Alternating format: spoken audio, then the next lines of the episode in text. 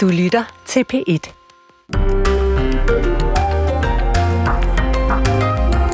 Godmorgen, så blev det mandag og dagen derpå efter et tronskifte, som fyldte både Københavns gader og tv-stationerne med rød-hvide farver, så der til sidst ikke kunne klemmes mere ind. Og mens historisk og rørende vel var de adjektiver, som gik mest igen, så gav den nye konge os sine helt egne ord om sin rolle som regent. Forbundne, forpligtet for kongeriget Danmark og det var ikke alle, der var helt tilfredse med kongens ordvalg her, for Gud kom nemlig ikke med i hverken valgsprog eller talen fra balkongen. Og det bryder med det nære bånd til kristendommen og med den kontinuitet, kongehuset skal stå for. Det mener Kristelig Dagblads lederskribent i hvert fald. Ja, så er vores øh, konge historieløs og ukristelig, eller er han bare en moderne konge, der følger med tiden? Øh, vi analyserer ordene sidst i denne time, og så taler vi med skribenten fra Kristelig Dagblad kl. 20.07. I USA har de hverken konger eller dronninger, til gengæld har de en præsident. Og i dag bliver kampen om, hvem der skal være nationens næste, skudt i gang i staten Iowa, som vi også hørte i radioavisen der, når republikanerne altså skal stemme om, hvem der skal være deres præsidentkandidat. Vi ser på, om der overhovedet er nogen, der kan true Trump cirka 12 minutter over 6. De sidste fire års tid, eller siden 2019, er Cirka 4,8 milliarder mennesker blevet fattigere, når man tager højde for inflationen, og samtidig så er den samlede formue for verdens milliardærer vokset med 34 procent. Det viser Oxfams nye ulighedsrapport herop til World Economic Forum i den svejtiske by Davos i denne uge. Men hvad er konsekvensen af milliardærernes tidsalder? Det spørger vi om om cirka 20 minutter. Her i studiet denne morgen er det Søren Carlsen og Maria Hollinger. Ja, i går der blev det officielt. Danmark har fået en ny regent, kong Frederik den 10. Det skete i statsrådet på Christiansborg, hvor dronning Margrethe, efter at have underskrevet en erklæring om sin abdikation, forlod statsrådet ved at sige... Gud bevarer kongen, sagde hun altså. Efter dronningen havde sat underskrift på dokumentet, så betød det, at den nye regent kunne udråbes, og det blev han så kong Frederik den 10. På slaget 15 trådte en tydelig berørt konge frem på balkongen på Christiansborg Slotsplads foran et hav af mennesker. Og kort efter trådte Mette Frederiksen også ud på balkongen og sagde de nu historiske ord. Hendes majestæt, dronning Margrethe den anden, er abdiceret. Længe leve hans majestæt, kong Frederik den 10.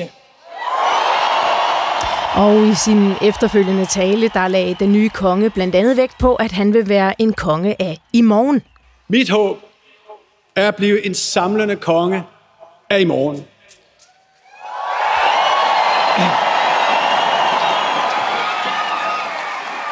Det er en opgave, jeg har nærmet mig hele mit liv.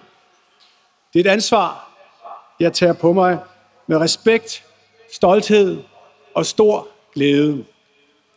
Det er en gerning, jeg vil gøre mig umage med og bære gennem den tillid, jeg møder. Han vil gøre sig umage, men han vil heller ikke klare opgaven alene, forklarede han. Jeg får brug for al den støtte, jeg kan få fra min elskede hustru, fra min familie, fra jer og fra det, der er større end os. Fremtiden går jeg i møde med vidstheden om, at jeg ikke står alene. Og til sidst kom det så det længe ventede valgsprog, som lød. Forbundne, forpligtet for kongeriget Danmark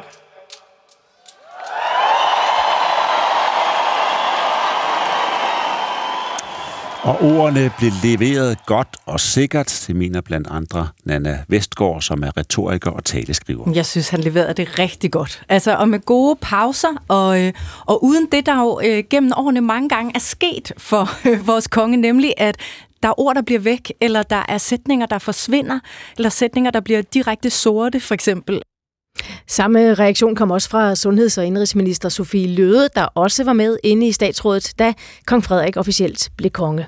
Jamen, det har været i det hele taget en meget, meget rørende øh, dag i dag. Selvfølgelig øh, mest rørende i at få lov at være med til øh, det historiske statsråd, hvor at dronningen jo officielt er placeret, og hvor at kronprinsen så blev til Danmarks nye øh, konge. Og jeg vil sige, særlig rørende var det jo, da dronningen havde skrevet under og forlader sin plads i statsrådet for at gøre plads til Danmarks nye konge. Hun går ud og vender sig om og siger, Gud bevarer kongen. Der var alle øh, rørt til tårer. Efter kongens tale trådte hele det kongelige familie ud på balkongen på Christiansborg, men øh, det måske nok største bifald lød, da det nye regentpar, kong Frederik og dronning Mary, trådte frem sammen igen og gav hinanden et kongeligt kys i al offentlighed. Ja. Og det, det er måske var... ikke nogen overraskelse. Nej. Dronning Mary, hun er særdeles populær. Det er hun altså. En undersøgelse, som Opinion har lavet for DR, viser, at 85 procent er positivt stemt, hvilket altså overgår Frederiks popularitet faktisk. Og derfor er forventningen også, at hun ikke blot vil understøtte den nye konge i deres fælles opgaver som regentpar, men hun vil være en fremtrædende figur i kongehuset, siger historie- og kongehuskorrespondent Cecilie Nielsen. Hun kommer til at spille en meget afgørende rolle, altså ikke kun ligesom som et, et, et vedhæng til en konge, men som en reel funktion, som faktisk har noget meget væsentligt på spil, nemlig den her sådan særlige grad af det stilsikre og det meget populære, som hun også står for. Og til sidst ved den kongelige fest i går, der markerede Tivoli tronskiftet med det største fyrværkeri i havens historie. I alt røg mere end 5.000 raketter til værs. Senere i den her time, der taler vi med en af de ministre, som var med til statsrådet, da kong Frederik den 10. officielt blev konge. Vi skal øh, til USA, hvor et utroligt spændende valgår begynder i dag i den lille delstat Iowa. Her skydes valgkampen i gang, som skal afgøre, hvem der skal være republikanernes præsidentkandidat. Det foregår ved et såkaldt caucus, hvor de republikanske vælgere mødes i gymnastiksale, forsamlingshuse og i private hjem for at diskutere og til sidst vælge, hvem de mener skal være partiets præsidentkandidat. Ja, Donald Trump han har et stort forspring på mere end 50 procent blandt de republikanske vælgere i den seneste meningsmåling. Mens den tidligere FN-ambassadør Nikki Haley har overhalet Floridas guvernør Ron DeSantis i kampen om anden pladsen. Vi skal til Jakob Krog, vores USA-korrespondent her i DR, som er med fra netop Iowa. Jakob, hvordan er stemningen i Iowa her på valgdagen? Jamen, den er øh, meget spændt og meget forfrossen.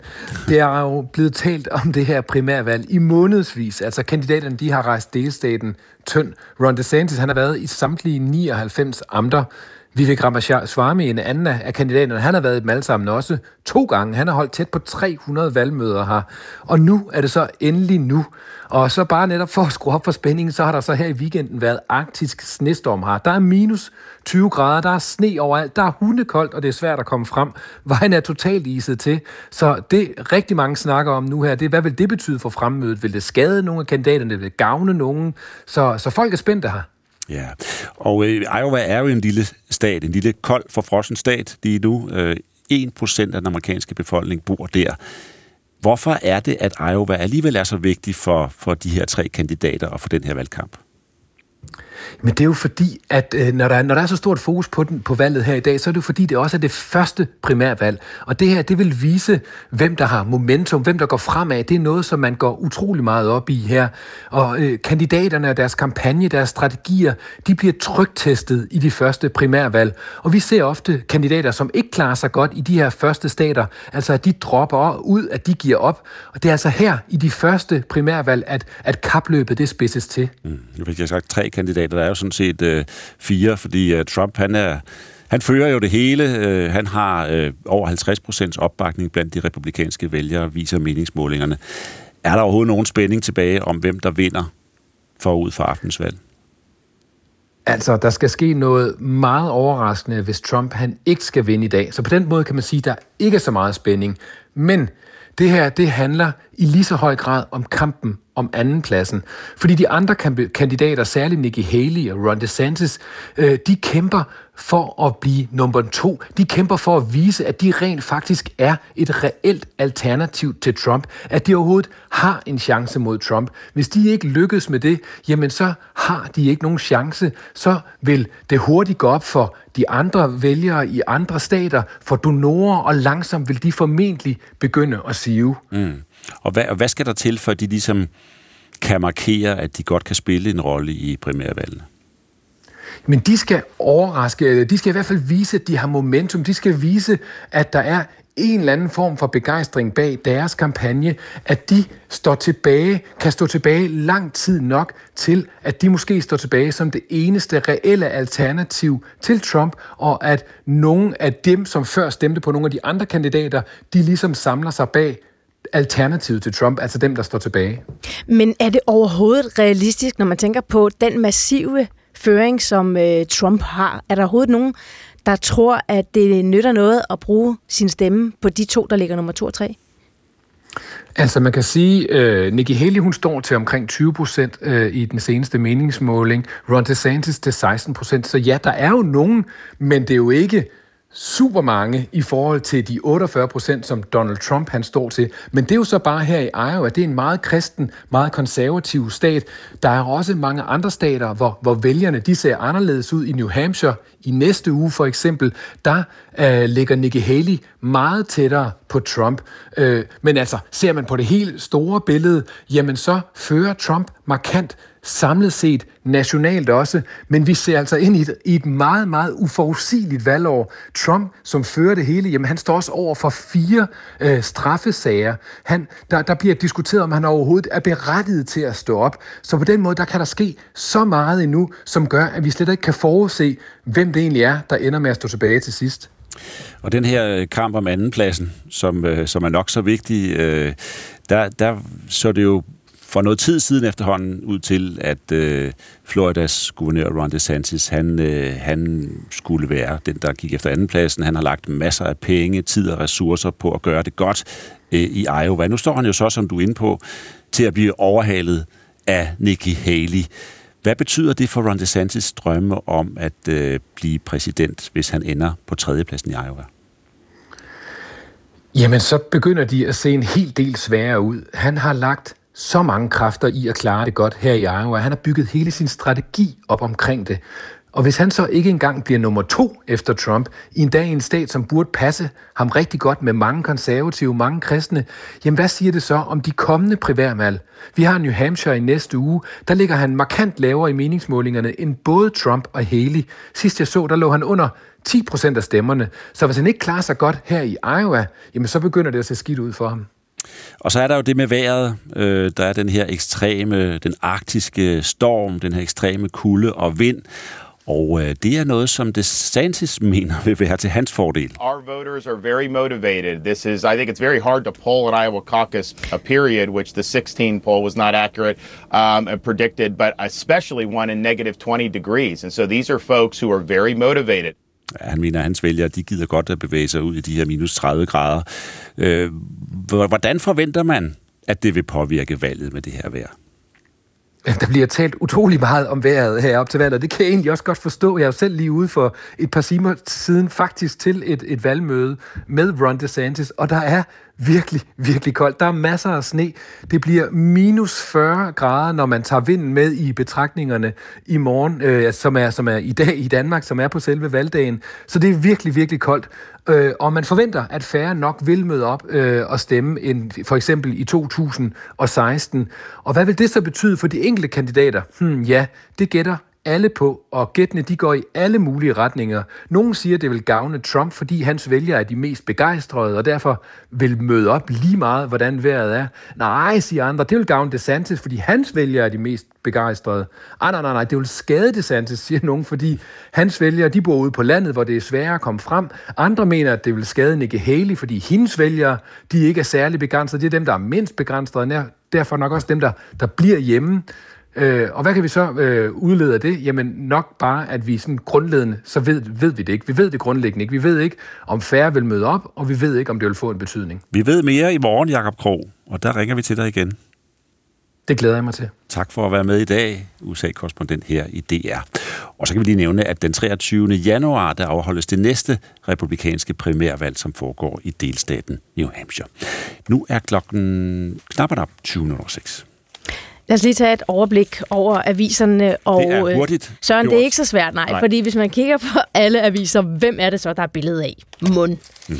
Ja, det er selvfølgelig kong Frederik i forskellige øh, billeder fra scenerne, vi så i går.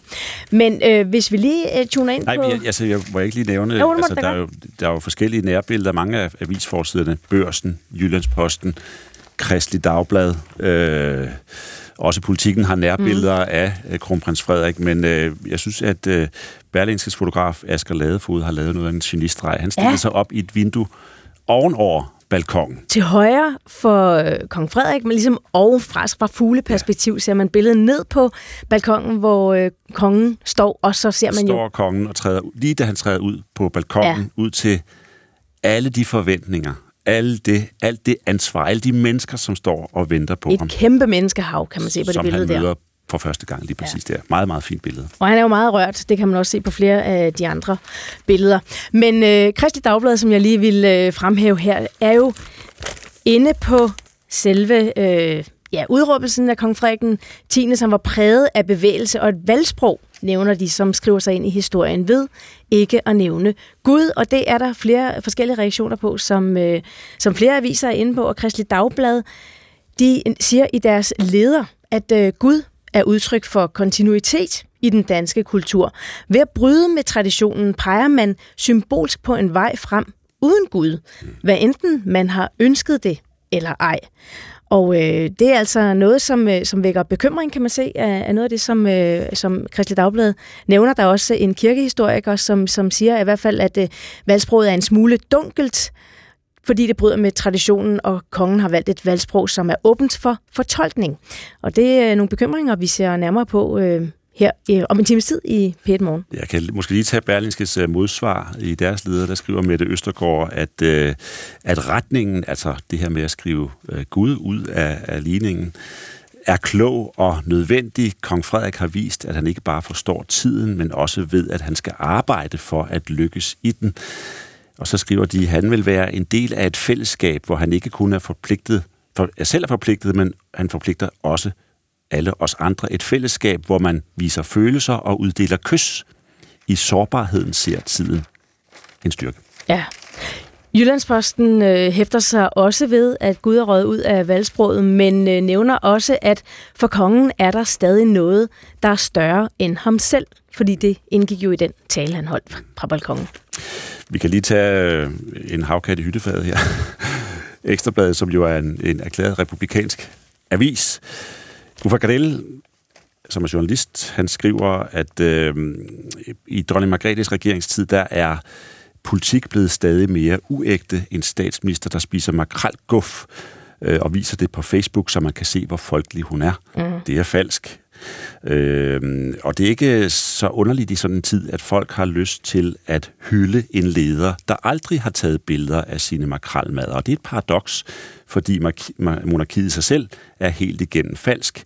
Et skuespil, hvor aktører i operetteuniformer genopfører scener fra 1800-tallet. Og så skriver han til sidst, vi har altid haft en mistanke om, at Frederik har gennemskuddet dette, at hans tilbøjelighed til at tale sort simpelthen skyldes flovhed over hele setup'et med kongehus og krybende undersåtter. Mm. Ja. Og på forsiden af Ekstrabladet, der kalder de ham altså Kong Kys. Kong Kys. Ja. Og hvad står der den lille taleboble? Ja, og så er der faktisk øh, der er et billede, hvor øh, kong Frederik jo altså kysser dronning Mary fra balkongen, og så er der netop sådan en, øh, en taleboble. En, man kan se, at øh, kong Frederik Tankeboble. ifølge Ekstrabladet tænker aldrig mere Casanova. Og så er der et billede af den spanske Casanova, som der er gået en del historier om, både Danmark, Spanien og resten af verden om, at kong Frederik jo, før han blev konge, besøgte Casanova i Spanien. 24 minutter over 6 blev klokken.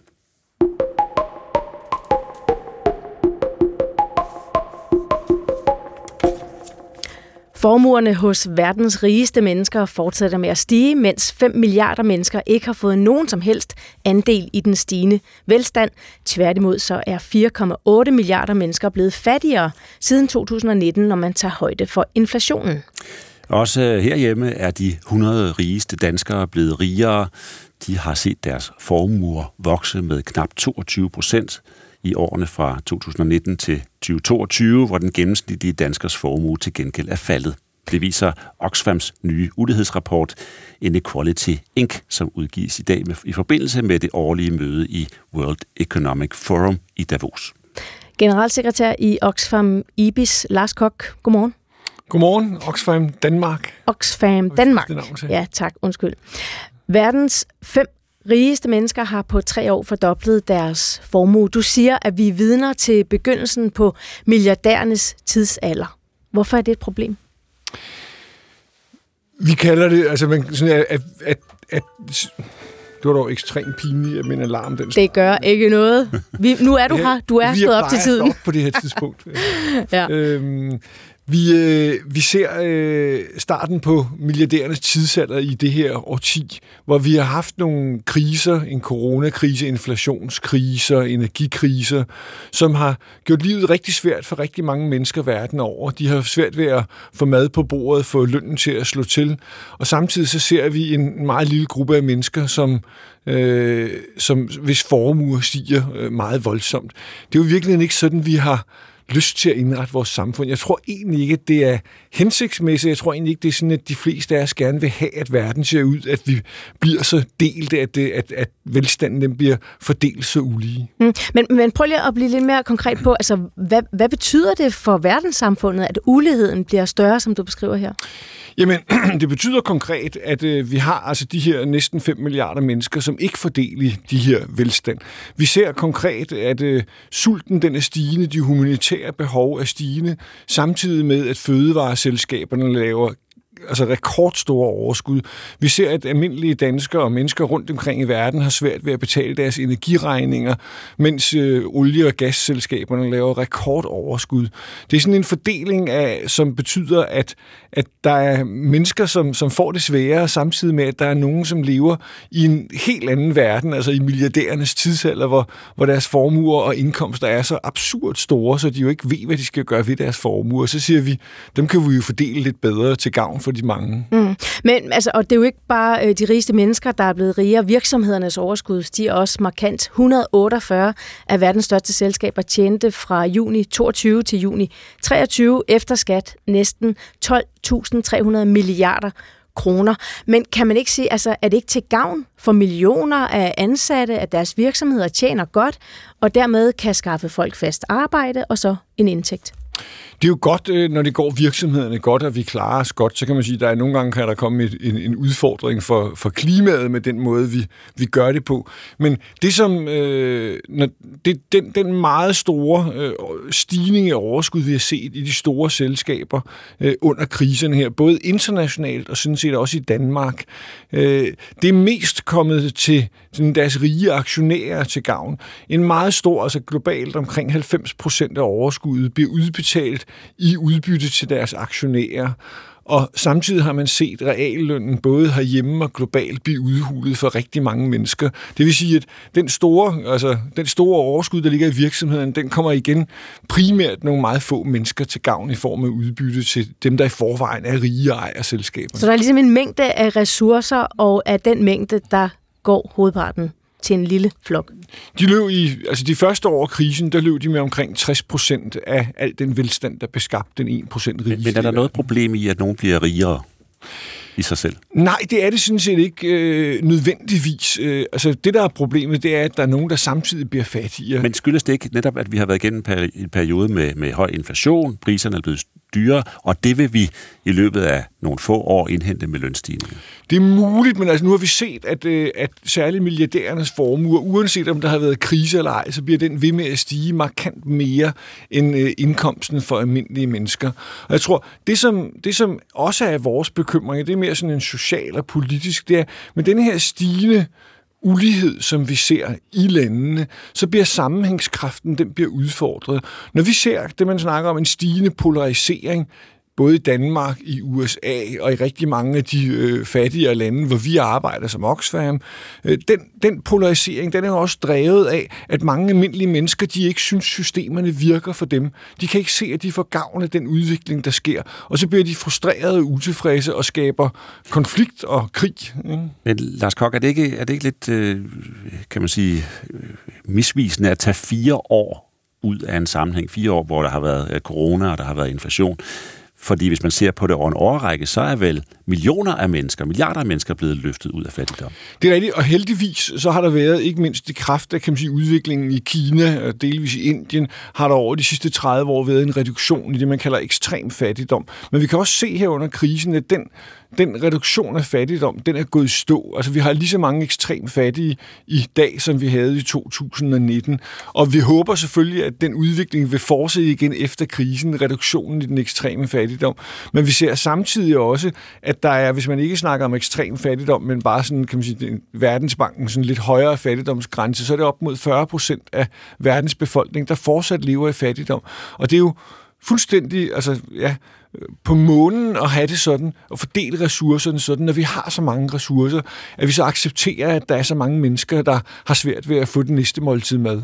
Men i, i, i Oxfam Danmark, der taler I om øh, en mere færre beskatning, altså at, at omfordele ressourcerne på den måde. Men hvordan vil det kunne være med til at takle kriserne, at man, man, man tager flere penge fra de rigeste? Jamen, jeg kan jo se, at noget af det helt centrale, som vi gør bedre i Danmark i mange andre lande, det er, at vi sikrer, at vi har et relativt godt sundhedssystem, et uddannelsessystem, en social sikring for dem, der falder igennem.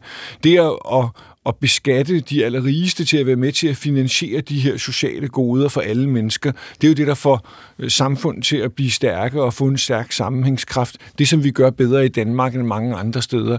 Det mener vi klart, at vi skal skærpe, kan man sige, beskatningen på de ekstremt rige og de store selskaber, som jo systematisk er blevet reduceret over de sidste 40 år, både i Danmark og globalt. Mm. Altså omfordelingen er blevet mindre de sidste 40 år. Når du så fremhæver Danmark her, så må vi jo sige, at herhjemme er vi virksomhedernes øh, overskud jo også steget markant, mens almindelige danskere er blevet fattigere gennemsnitligt. Så, så øh, er det så ikke noget problem herhjemme? Jo, det er det. Altså, vi kan se, at her under kriserne altså de sidste fire år, der kan vi se, at det selskabernes overskud er steget 100 procent, sådan cirka. Det er jo fordi, de også er enormt dygtige. Novo Mærsk har lavet kæmpe overskud. Men vi kan også se, at udbytterne til deres rige aktionærer er også steget cirka 100 procent. Og det gør det svært at få øh, det gør det svært at få det til at hænge sammen for almindelige mennesker, når man samtidig ser, at inflationen den har udhulet reallønnen. Mm. Lars Kok, tak for besøget. Selv tak. Altså generalsekretær i Oxfam Danmark. Klokken er nu blevet hele 32 minutter over 6. Vi skal have et med Michael Olsen. Og jeg kan fortælle, at lykønskningerne stadigvæk strømmer ind til Danmarks nye konge Frederik den 10., blandt andet fra den amerikanske præsident Joe Biden. Han skriver, at USA glæder sig til at fortsætte den mere end 200 år lange historie med partnerskab med kongeriget Danmark. Og den britiske kong Charles har også sendt en hilsen til kong Frederik. Jeg ser frem til at arbejde sammen med dem for at sikre, at de langvarige bånd mellem vores to lande og vores familier forbliver stærke, skriver han. Og det er en stærk hilsen, siger vores korrespondent i Storbritannien, Tine Jersen Knudsen. Det er altså en, øh, en meget fin og personlig hilsen, der bliver sendt til kong Frederik og dronning Mary, hvor Charles flere gange øh, lægger vægt på, at der er et særligt bånd mellem Danmark og øh, Storbritannien. Og nu er det så første rigtige arbejdsdag for kong Frederik. Den byder på officiel markering af tronskiftet i Folketinget, hvor blandt andet statsministeren og resten af den kongelige familie deltager. Kongen taler ikke selv i Folketingssalen i dag, men statsminister Mette Frederiksen vil læse en meddelelse op fra kong Frederik, fortæller historie- og kongehuskorrespondent Cecilie Nielsen. Og det lyder meget fint og fornemt, men det er egentlig bare en, en, en meddelelse, en orientering om, hvad det er, der er sket, som altså også kommer direkte fra kongen. Det er i hvert fald det, vi formoder, der kommer til at foregå. Og herefter vil hun så selv holde en tale på vegne af sig selv. Så der er ligesom to dele af det, hun kommer til at sige. Og det er klokken 10, at kongefamilien besøger Folketinget. I dag skydes primærvalgene i USA i gang. Startskuddet lyder i delstaten Iowa, hvor republikanerne skal finde ud af, hvem de peger på som deres kandidat til præsidentvalget den 5. november. Og den tidligere præsident Donald Trump er storfavorit, fortæller USA-korrespondent Jakob Krog. Den seneste meningsmåling gav ham 48 procent af stemmerne. Nico Haley, som røg op på andenpladsen, hun lå kun på 20 procent. Så jeg tror, det vil være en stor overraskelse for alle, hvis Donald Trump ikke vinder i dag. Vi får snebyer flere steder, men kan altså også se frem til perioder med solskin senere på dagen mellem 4 graders frost og 1 graders varme, og så blæser der en jævn til hård vind fra nord og nordvest. Der bliver der blev udledt mindre kvælstof til havet i 2022. Faktisk var man på det næstlaveste niveau siden 1990. Og det lyder jo som øh, gode nyheder for vort hårdt pressede vandmiljø, men øh, vi er altså stadig langt fra målsætningen om, at alt vand skal være i god økologisk tilstand i 2027, som vi har forpligtet os til ifølge EU's vandrammedirektiv. Det viser nye tal fra Aarhus Universitet, og så kan vi sige godmorgen til dig, Hans Todsen. Godmorgen. Du er seniorrådgiver på Institut for Ecoscience ved Aarhus Universitet og en af forfatterne bag den her rapport med tallene. Der blev udledt 52.000 tons kvælstof til havet, hvis man korrigerer for mængden af regn, der faldt hen over året. Hvorfor har I korrigeret for regn? Jamen, det gør vi for at, øh, at, at få et mere rent signal på, øh, hvad der egentlig sker sådan fra, fra udledning fra, fra landskabet og fra landbruget. Øh, det er sådan, at, øh, at øh, den variation, der er i tallene fra år til år, den skyldes øh, i meget høj grad øh, vejret og øh, hvor meget vand, der løber i vandløbene. Så hvis vi ligesom skal prøve at kigge igennem det øh, og finde en, øh, en udvikling, der skyldes noget andet, så, øh, så laver vi den her normalisering. Og så lad os lige blive lidt i det positive budskab. Altså, vi udleder mindre kvælstof til havet. Hvor meget mindre er der tale om? Øh, jamen, altså, der er jo ikke sket den store udvikling øh, om nogen overhovedet de sidste for eksempel 10 år. Øh, men, men i 2022 øh, når vi ned på, at øh, altså den reelle mængde, der vi har opgjort, der, eller der kommer i havet, det er 45.000 ton, så det er forholdsvis øh, lavt, øh, hvis, man, hvis man kigger tilbage øh, i tid. Og det skyldes, at øh, 2022 var et forholdsvis tørt år. Øh, og at vi så når ned på, det var den tredje øh, laveste, hvad det hedder, udledning siden 1990, øh, hvis vi øh, normaliserer. Øh, så er det selvfølgelig positivt. Mm. Det, det er jo bedre, end at, øh, end at det ser ud som om, det peger lidt opad. Og nu peger du så øh, på, at, jamen, at, at 22 var et, et tørt år, men, men lige før der sagde du, at I korrigerer for det med, med regnen, så hvordan kan det være, at det spiller ind på resultatet, at det var et tørt år sidste år? Jamen, det, der, der er to tal. Der er det, de 45, det er den mængde, der rent faktisk kom til havet. Og når vi så korrigerer, øh, så når det er tørt år, så korrigerer vi op, og så bliver det så til 52. Øh, og det er så også et forholdsvis lavt, og det er det tredje laveste, øh, vi har set, og det laveste var i øh, 2020. Øh, så det er selvfølgelig øh, positivt, at øh, to af de tre øh, laveste hvad det hedder, værdier, vi har haft, det ligger inden for de sidste øh, tre år. Ja. Så det, vi kunne jo håbe på, at det begynder at, at, at pege lidt nedad og, og give lidt lavere tilførsler. Ja, for vi skal jo nå et mål. Øh, det kræver ifølge Miljøstyrelsen, at kvælstofudledningen kommer ned på ca. 38.000 tons om året. Og, øh, og prøv lige at forklare, altså, hvordan påvirker det havet, når vi udleder så meget som de her 50.000 tons kvælstof, som det ser ud nu? Ja, sådan helt simpelt, så, øh, så forhøjet øh, næringsstof, øh, tilførsel og kvælstof er, er et af de vigtigste, eller det vigtigste øh, for havet. Øh, så, bliver, så gror der for mange alger øh, i havet, og når de dør, så øh, øh, falder de ned på bunden og bliver omsat, og det øh, kræver en masse ilt. Øh, og når der er for mange alger på bunden, så er der ikke ilt nok, og så kommer der iltsvind. Øh, og der er bunddyrene på havet øh, dør, og sådan noget, og øh, det så vi sidst i efteråret her, hvor der var øh, ret voldsomme iltsvind i, øh, i de danske farvand. Så der er sket et, øh, et lille fald, siger du, øh, men vi ligger stadigvæk et stykke over det her mål på øh, 38.000 ton om året. Vi ligger på de her 52.000 ton om året. Med det tempo, som er i, i reduktionen af, af udledning af kvælstof, hvor langt er vi fra? Altså, hvor, hvor mange år er vi så fra at nå målsætningen? Ja, det er svært at sige, øh, men, men, men der er ikke noget, der tyder på, at vi når det til 2027, øh, i hvert fald. Øh, men altså, det kommer helt an på, hvad for nogle øh, tiltag, der bliver, der, der, der bliver sat i værk, øh, og, og de udviklinger, man har gang i, hvordan de kommer til at kunne udnyttes. Øh, hvornår man kan nå ned. Men er det realistisk at nå det til 2027? Jamen, det kan godt lade sig gøre. Det kan det godt. Øh, det er et spørgsmål om, hvor lang tid det tager, og hvor dyrt det bliver. Mm. Øh, men altså, det, det kan godt lade sig gøre. Vi vil godt have spurgt Miljøminister Magnus Højding, øh, hvad han siger til de her tal, men øh, det har ikke været muligt for os at få et interview med ham. Men vi har fået et skriftligt svar, hvor han blandt andet udtaler det her. For at sikre, at vi ser en langvarig effekt i vandmiljøet, vil vi intensivere vores indsatser. Det kræver, at vi får flere efterafgrøder på markerne til at opsamle den overskydende, det overskydende kvælstof, samt at der etableres flere vådområder og udtages mere landbrugsjord. Sammen med et bredt flertal af Folketingets partier har vi afsat 405 millioner kroner til en akut plan for havmiljøet. Men Hans Todsen, er du enig i, at det er de her ting, der skal til? Flere efterafgrøder på markerne til at øh, opsamle overskydende kvælstof, flere vådområder og mere landbrugsjord, der bliver taget ud af produktion? Ja, det er nogle af de virkemidler, øh, man, man, man bruger, øh, og, og det vil også, øh, i, alt efter i hvilket omfang øh, de bliver implementeret, så øh, vil det øh, nedbringe, hvad det hedder, tilførselen øh, til havet. Mm.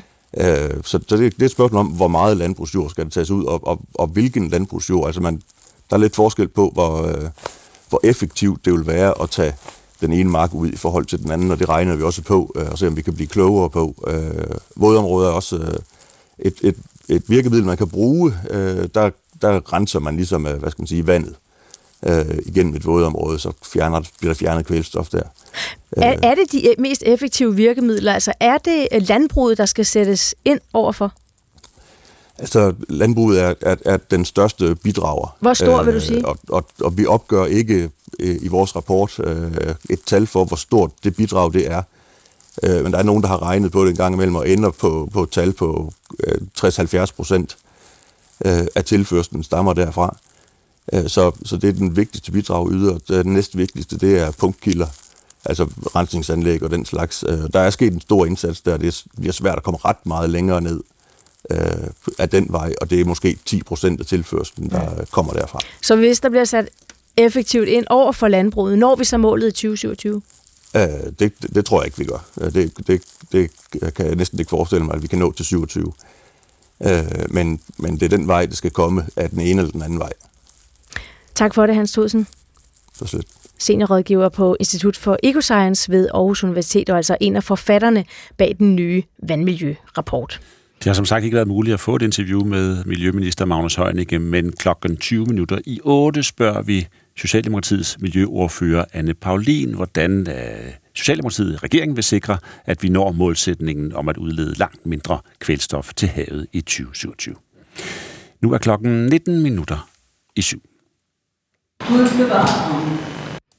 Gud bevarer kongen, ja. blev der sagt af dronning Margrethe, lige inden hun gik ud af dobbeltdørene og forlod sit sidste statsråd med regeringens ministre på Christiansborg i går. Og lige inden da havde hun underskrevet en erklæring om sin abdikation, overladt stolen for bordenden til sin søn, kong Frederik den 10., som var tydeligt berørt. Det var dronningen sådan set også. Christina Elund, du var også med til det statsråd der. Godmorgen. Godmorgen. Du er uddannelses- og forskningsminister for Moderaterne, når du var med på dronningens sidste mm. statsråd i går. Hvordan var det at være til stede der? En meget sjælden begivenhed, som meget få jo får lov til at opleve på første hånd. Jamen nu siger du jo, at både vores nuværende konge og daværende dronning var meget berørte. Jeg var også meget berørt, og helt ærligt, jeg tror, vi er jo ikke så mange til stede ved sådan et statsråd. Der er øh, medlemmer af den kongelige familie, som skal deltage, og så er der regeringen, og så er der en statsrådssekretær. Og vi kender jo selvfølgelig hinanden godt på tværs af ministerholdet. Der var ingen, altså selv den mest hårdkogte af ministerne. Der var simpelthen ikke nogen, der ikke havde, havde våde øjne. Hvor, så hvorfor? det var, Hvad var det, jeg tror, der det var? ord, der bedst beskriver det, var bare, at det var jo kæmpe, kæmpe stort. Ja, og hvorfor var det så rørende? Jamen, jeg tror, altså, jeg har godt tænkt lidt over det. Jeg tror, at det er ligesom, der er jo to ting i det, ikke? Der er jo en, øh, der er jo en vild dobbelthed i, øh, i den begivenhed, fordi på den ene side, så er det jo det storladende, det Danmarks historiske, altså at en monark abdicerer, og vi sidder der og ser, at, at øh, dronning Margrethe underskriver sin applikation. Der er jo helt stille inde i det lokale, så vi kan høre kuglepinden, øh, vi kan høre kuglepinden arbejde sin vej hen over de dokumenter, øh, og en ny konge overtager øh, tronen, og hans søn bliver kronprins. Så, så det er jo sådan det storladende og det Danmarks historiske i det. Og samtidig så er det jo også en øh, mor, der over, der ser sin søn blive konge, øh, og en søn, der ser sin mor abdicere, og deres søn og, øh, og barnebarn, som, øh, som observerer begge dele. Og det er der jo, altså på den måde er det jo også en familiebegivenhed. Øh, og at kunne se, hvor rørte de blev over hinandens handlinger, og det synes jeg også var, var meget overvældende. Og jo, jeg er jo så taknemmelig for at få lov til øh, at, have, at have overvejet, øh, overvejet det. Det var, det var meget, meget rørende. Og når I så sidder der omkring bordet og overværer det her historiske mm. øjeblik, kan vi godt sige, hvor, mm. var, var det så en andægtig stemning, der var? Jamen det er, altså det er det, og det er det til statsråd. Altså det foregår jo efter en meget bestemt formel. Der er ikke sådan, at folk sidder og kommer med udfald, eller lige bryder ind, eller lige rækker hånden op, man gerne vil sige noget. Altså det er på manuskript, og man siger ligesom det, man skal, hverken øh, mere eller mindre. Så det foregår jo, vil mange nok mene på lidt gammeldags møde. Jeg synes egentlig, det er et meget fint sådan holdepunkt øh, i vores, øh, i vores øh, demokrati. Så, så det er jo i sin natur øh, et lidt øh, et ophøjet og jo meget formelt møde. Øh, men i går var det anderledes på den måde. For det første, at det, der skete, var så stort, men jo også, at man kunne mærke den der nærhed i, at der også var mange, altså der var følelser på spil, og det forstår man jo godt. Øh, jo særligt for, for statsrådets hovedpersoner, for hvem det, der skete i går, jo også var en livsbegivenhed, udover at det var en, livs, at, at det er en begivenhed for os alle sammen, og for, og for kongeriget, øh, så var det det jo selvfølgelig også for dem øh, i deres liv. Så, så den der igen sådan en dualitet imellem noget Danmarks historisk enormt ophøjet, storladent, øh, på den ene side, og på den anden side jo enormt øh, følelsesladet og meget nært, også fordi vi jo ikke er øh, så utrolig mange. Så, så det var sådan set begge øh, dele, og det var anderledes end de almindelige statsråd. Altså, vi kan godt finde på, når man går ind til statsråd, som, som jeg sagde før, jo selvfølgelig er en, en relativt sådan formel seance, men, men vi kan jo godt finde på, når man går ind til det normalt, ministerne imellem, sådan gå lidt lavmældt og slås, sludre og grine og sådan noget på vej derind, eller hvad man nu taler om. Øh, det var der ikke noget af i går. Altså, jeg tror, alle var ligesom indstillet på, at nu skulle vi ind og deltage i noget, som, øh, som vi jo alle sammen kun kommer til at opleve øh, en gang, og som er Danmarks historie. Christina Elund, jeg så det på tv, jo, som de fleste andre er os, og, og jeg bilder mig ind, at jeg kunne se, at allerede der var, var kronprinsen, mens han stadig var kronprins, ret ret rørt, berørt af situationen. Var, var det, øh, bemærkede du det også? Var, var det rigtigt nok set fra skærmen? Ja, det synes jeg. Ja, det synes jeg. Øh, det synes jeg absolut, det var. Altså specielt øh, det øjeblik, som vi jo alle sammen har set også i fjernsynet, hvor, øh, hvor dronning Margrethe over underskriver sin applikation, og jo så meget symbolsk rejser sig op, og det gør vi alle sammen, og den nuværende konge så ligesom indtager øh, stolen. Øh, det, der skete, altså lige før hun underskriver applikationen og under selve underskrivelsen, der var alle, øh, og jeg tror, du set rigtigt, også kronprins Frederik, øh, jo, eller dengang kronprins Frederik, vi skal lige vende os til det med titlerne, ja. øh, meget, øh, meget berørt. Og på den måde har vi jo også en konge, som vi har lært at kende som en, der heller ikke er bange for at vise, øh, når, når han bliver berørt. Det så vi jo alle sammen allerede, da han blev øh, gift med øh, dronning Mary. Så det, det er rigtigt nok. Ja. Christina Elund, du var der, og tak for at tage os med ind i lokalet. Velbekomme. Uddannelses- og forskningsminister for Moderaterne. 13 minutter i syv.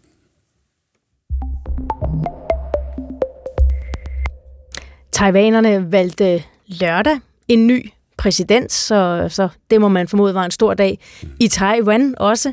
William Lai Ching-te, søn af en minearbejder, tidligere vicepræsident, socialliberal og den mest Kina-kritiske kandidat på stemmesedlen blev valgt. Valget i Taiwan har fået enorm opmærksomhed. Øh, hvert eneste pressetelt har været fyldt til bristepunktet, og store britiske og amerikanske tv-stationer har dækket det i døgndrift. Det har ikke bare været taiwanerne selv, der har fulgt det med interesse. Det har øh, hele verden sådan set. Mm. Og det er du også, Philip Rohn. Godmorgen. Godmorgen. Det er Asian-korrespondent. Du har dækket det i døgndrift, og det blev lidt overskygget af en abdicering herhjemme, må vi jo nok indrømme. Men giv os lidt et overblik. Altså, hvad betyder valget af Lai Ching-te? Det betyder, at øh, den nuværende administration, altså den nuværende præsident, øh, de facto får fire år mere på posten. Lai Ching-te er tidligere vicepræsident under den øh, nu tilbagetrådte præsident, øh, og har sagt under valgkampen, at han vil føre den politik, der har været de sidste fire år videre. Og det er så spørgsmålet om, det er også det mandat, han har fået, fordi han har alligevel tabt næsten 14 procentpoint fra øh, sidste valg, som altså dengang den tidligere præsident blev valgt. Så der har ikke været sådan oven, ovenud stor opbakning til, øh, til øh, William Lai til her. Nej, og alligevel så, så valgte han, øh, vandt han jo. Hvorfor det? Ja, det er jo delvist på grund af, at man har det valgsystem, man har, hvor simpelthen bare den person, der har fået flest, øh, flest stemmer, øh, får præsidentposten. Det er jo sådan, det er i, i Taiwan. Og så øh, var det jo også delvist, fordi vi har haft en øh, opposition, som har været ret splittet. Øh, det har faktisk været, det har været en meget farverig valgkamp på den måde. Så tilbage i november, der havde vi øh, tre oppositionskandidater, som alle sammen blev betragtet som relativt borgerlige og så øh, mere venlige over for Kina end øh, Lai Ching-te. Men det, der så skete, det var, at øh, først røg den ene, øh, en mand, der hedder Terry Go, som er ham, der ejer Foxconn-fabrikkerne, som er dem, der producerer jeres iPhones.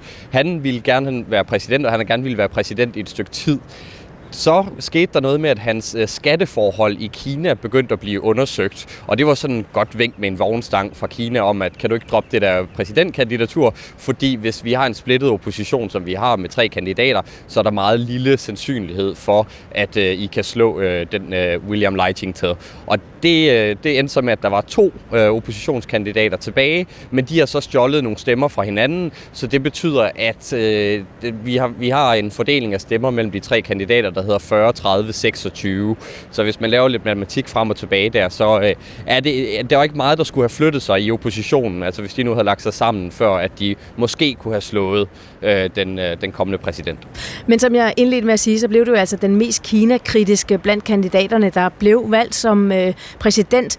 Hvordan har Kina svaret på valget af den her nye præsident? nogenlunde, som man kunne forvente. De har sagt det, øh, som de altid siger, øh, Taiwan er en del af Kina.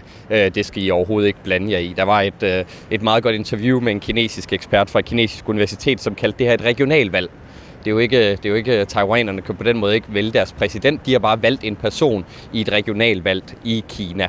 Øhm, og så har vi så haft en opfølgning i dag fra den kinesiske udenrigsminister, som gav lidt mere øh, los og sagde, at øh, prøv at høre, der er ikke nogen, der på nogen måde skal forsøge at blande sig i det taiwansk-kinesiske forhold, fordi Taiwan er en del af Kina, og sådan at det bare.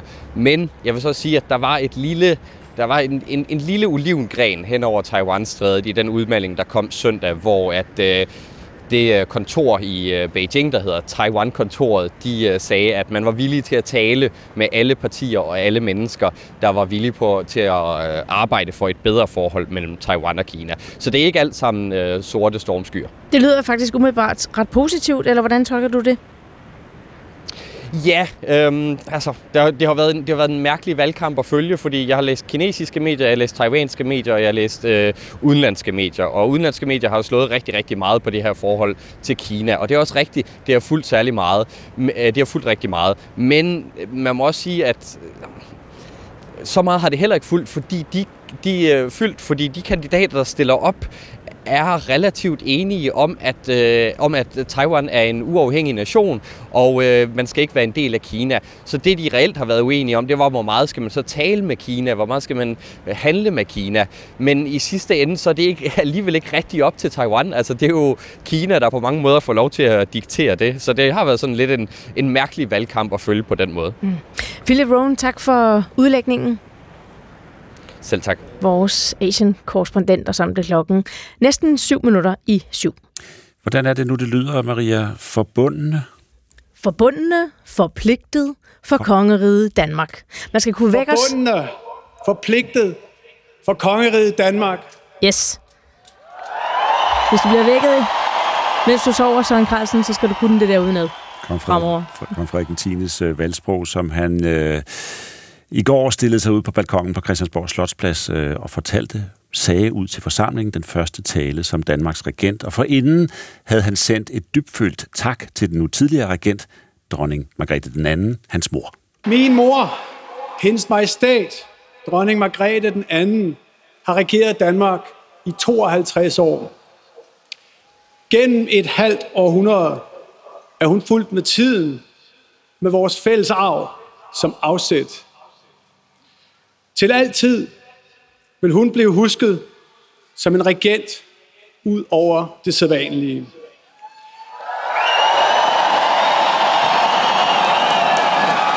Min mor har som få formået at gå i et med sit kongerige. Ja, Emma Påske, historiker og tilknyttet Rigsarkivet. Godmorgen og velkommen. Mange tak. Du er også podcastvært, og så har du sammen med DR's kongehuskorrespondent Cecilie Nielsen lavet podcasten Dronningeriget, hvor I sætter fokus på Danmarks historiens dronninger. Ja. Nu har vi jo sådan en konge her. Han siger, forbundne, forpligtet for kongeriget Danmark. Hvordan fortolker du det? Oh, altså, der er utrolig meget vi i det her. Mm. Der er ikke noget med folket og kongen. Det er et stort vi, og vi er forpligtet på hinanden, og vi er forbundne, og det er alle i landet. Det er ikke nogen specifikt, fordi man har også udladt Gud for eksempel. Så, så det er virkelig et forsøg på at fagne alle i hele kongeriget. Er det et usædvanligt valgsprog? Øhm, relativt vil jeg sige, fordi øh, de fleste valgsprog har faktisk noget Gud i sig. Øh, og som regel, så vil man sige, så er der også noget, hvor at man prøver at lave en eller anden form for distance øh, med kongen og folket. Men her, der er der ikke nogen distance. Der er vi alle sammen bare sammen. Men er der ikke en distance til Gud? Mm, altså, det, det er der jo måske nogen, der ville tænke, men der var bare også helt utrolig meget Gud alle andre steder i går. Vi hørte dronningen som det aller sidste, inden hun gik ud af, af det sidste statsråd. Hun var med til at sige, Gud bevarer kongen. Mm. Ja, hun havde også Gud med i sit øh, valgsprog. Øh, Guds hjælp, folkets kærlighed, Danmarks styrke. Nu har han mm. så ikke Gud med Frederik i sit valgsprog. Hvordan adskiller det sig helt præcist fra andre regenters? Man kan sige, at de fleste tidligere regenters valgsprog har haft noget med Gud i sig. Der er også nogen, der ikke har. Øhm, men Frederik den 7. Frederik den 7. havde for eksempel ikke, og faktisk så vil man sige, at dronning Margrethes til dels faktisk lignede Frederik den 7. Øh, valgsprog rigtig meget. Og, og man kan sige, er det vigtigt, at Frederik har Gud med? Nej, det er det nok ikke. Altså, på den måde, at det ikke er Frederik på samme måde, som det var dronning Margrethe. Men der er jo nogen, som allerede har udtrykt bekymring ja. for, at Gud ikke er med i Frederik den 10. valgsprog. Øh, blandt andre Anders øh, Ellebæk Madsen, som er lederskribent på øh, Kristi Dagblad.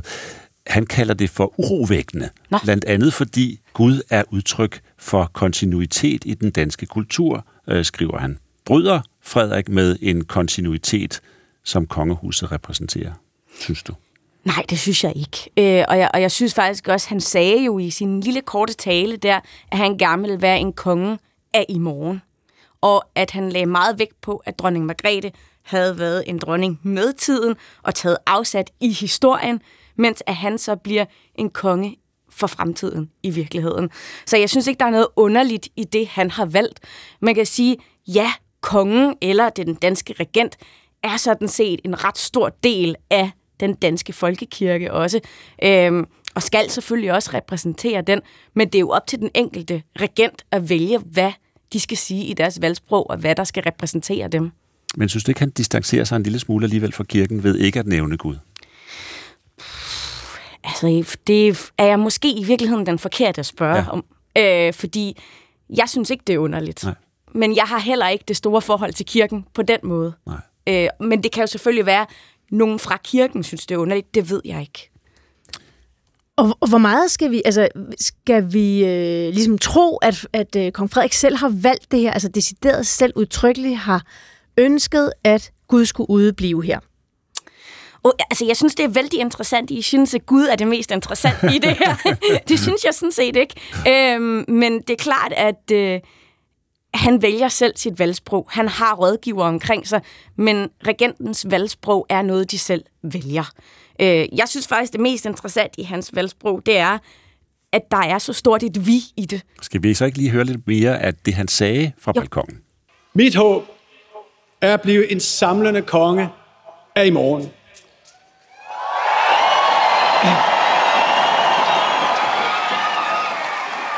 Det er en opgave, jeg har nærmet mig hele mit liv. Det er et ansvar, jeg tager på mig med respekt, stolthed og stor glæde. Det er en gerning, jeg vil gøre mig umage med og bære gennem den tillid, jeg møder. Ja, så hvordan bliver han den her konge af i morgen?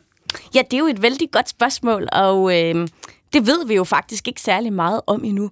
Men det vil tiden jo vise, øh, og vi kommer jo til at se, hvordan han gerne vil være regent inden Synes du, for der var noget af det, han viste allerede i går, som peger ind i den konge, han gerne vil være? Jeg synes, det var øh, meget vedkommende og meget følsomt, det, der skete i går. Også at hele familien var med ude. Øhm, og det var måske også et peg om, at det ikke bare er en konge. Det er også øh, et kongepar og en kongefamilie. Så på den måde er der også et vi der. Altså det, det er meget familie, og det er meget ikke kun én person, og meget vedfolket i virkeligheden. Ja, og der var både tårer, mm. og der var kys. Ja, det så var det er også et menneske, vi så. Det er et menneske, og, og i høj grad øh, er han jo bare den Frederik, vi normalt kender. Nu er han bare blevet konge. Tak, Emma Rønberg Påske, for at være med os. Det var så let. Historiker og forfatter tilknyttet Rigsarkivet. Og øh, når vi taler så meget om det her med Gud øh, i valgsproget, så er det jo fordi, det rent faktisk øh, bekymrer nogen, som vi var inde på. Vi taler med en af dem i næste time. Vi får nemlig besøg af Christian Dagblads lederskribent. Det er 23 minutter over 7.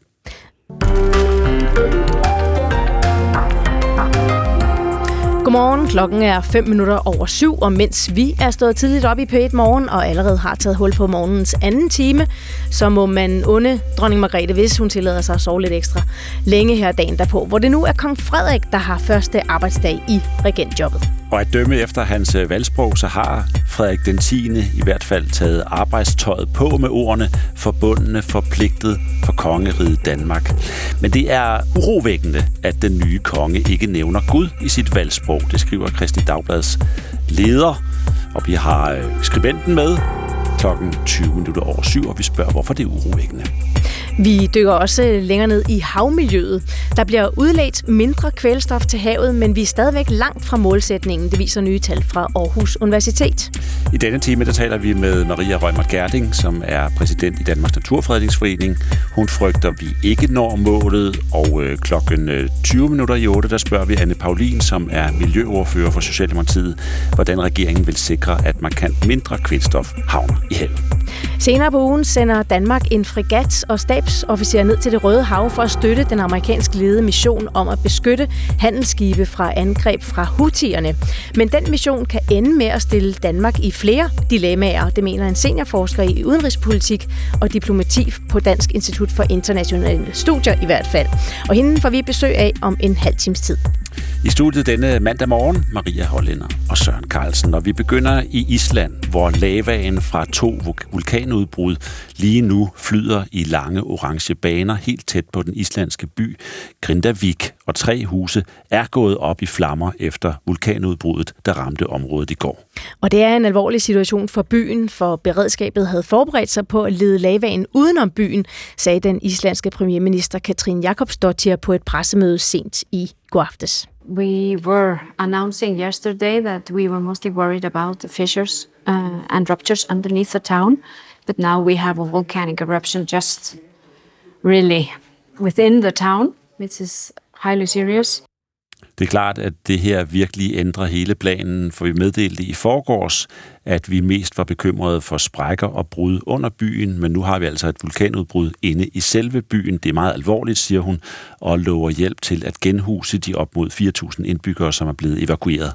Et af de huse, som er gået i brand som følge af vulkanudbruddet, tilhører Morten Smidovic. Det opdagede han, da vi talte med ham i går aftes omkring kl. 19. Men jeg kan sige dig nu her, jeg har lige set, at min hus, det er sådan set totalt i brand. Det har du set lige nu? Ja, min søn viste mig lige et billede af, så... Hvad siger børnene? Det er ikke noget... Ja, det vil jeg sådan set sige. Det er sådan, vil man sige på engelsk, mixed emotions. Det er fordi, at huset, som vi bor i, det er et hus, jeg selv bygget i ja, 2007-2008 importeret er, ja, importet det fra Danmark ja, og ja, har bygget det hele selv, sådan set. Så det, det er træls at se, det ikke går i, ja, går bare i brand og så, men hvis vi kunne flytte tilbage, så vil det aldrig sådan set være helt øhm, safe for børnene at gå ud og lege og sådan noget, fordi der er en hel masse ja, spunger og huller og sådan noget. De ved ikke engang, hvor er. Ja, det fortalte altså Morten Smidovic fra Island. Alle Grindaviks omkring 4.000 indbyggere blev evakueret tidlig søndag morgen efter en række små, intense jordskælv i nærheden af byen. Det samme skete i november, hvor flere jordskælv også betød, at der var risiko for vulkanudbrud. Og i december gik en vulkan i udbrud nord for Grindavik, og dengang flyttede Morten Smidovic sin familie til en by to og en halv time væk, hvor de så har boet siden. Men familien var tilfældigvis i Grindavik natten til lørdag, altså i deres gamle hus, hvor de så blev evakueret kl. 03.30. Og nu hvor huset er brændt, så er det som om, der er blevet sat punktum for den del af deres liv, og det har Morten Smidovic det egentlig okay med. Byen var øh, selvfølgelig totalt ødelagt før det her, så der var ikke den samme, øh, hvad skal man sige, angst til at komme tilbage, fordi at børnene måtte ikke være ude, og der var ingen skoler. Og...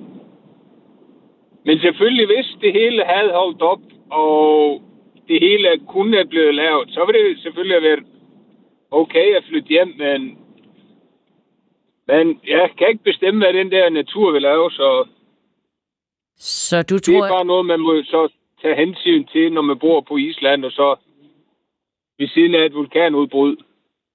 Så du tror ikke på, at I kommer tilbage?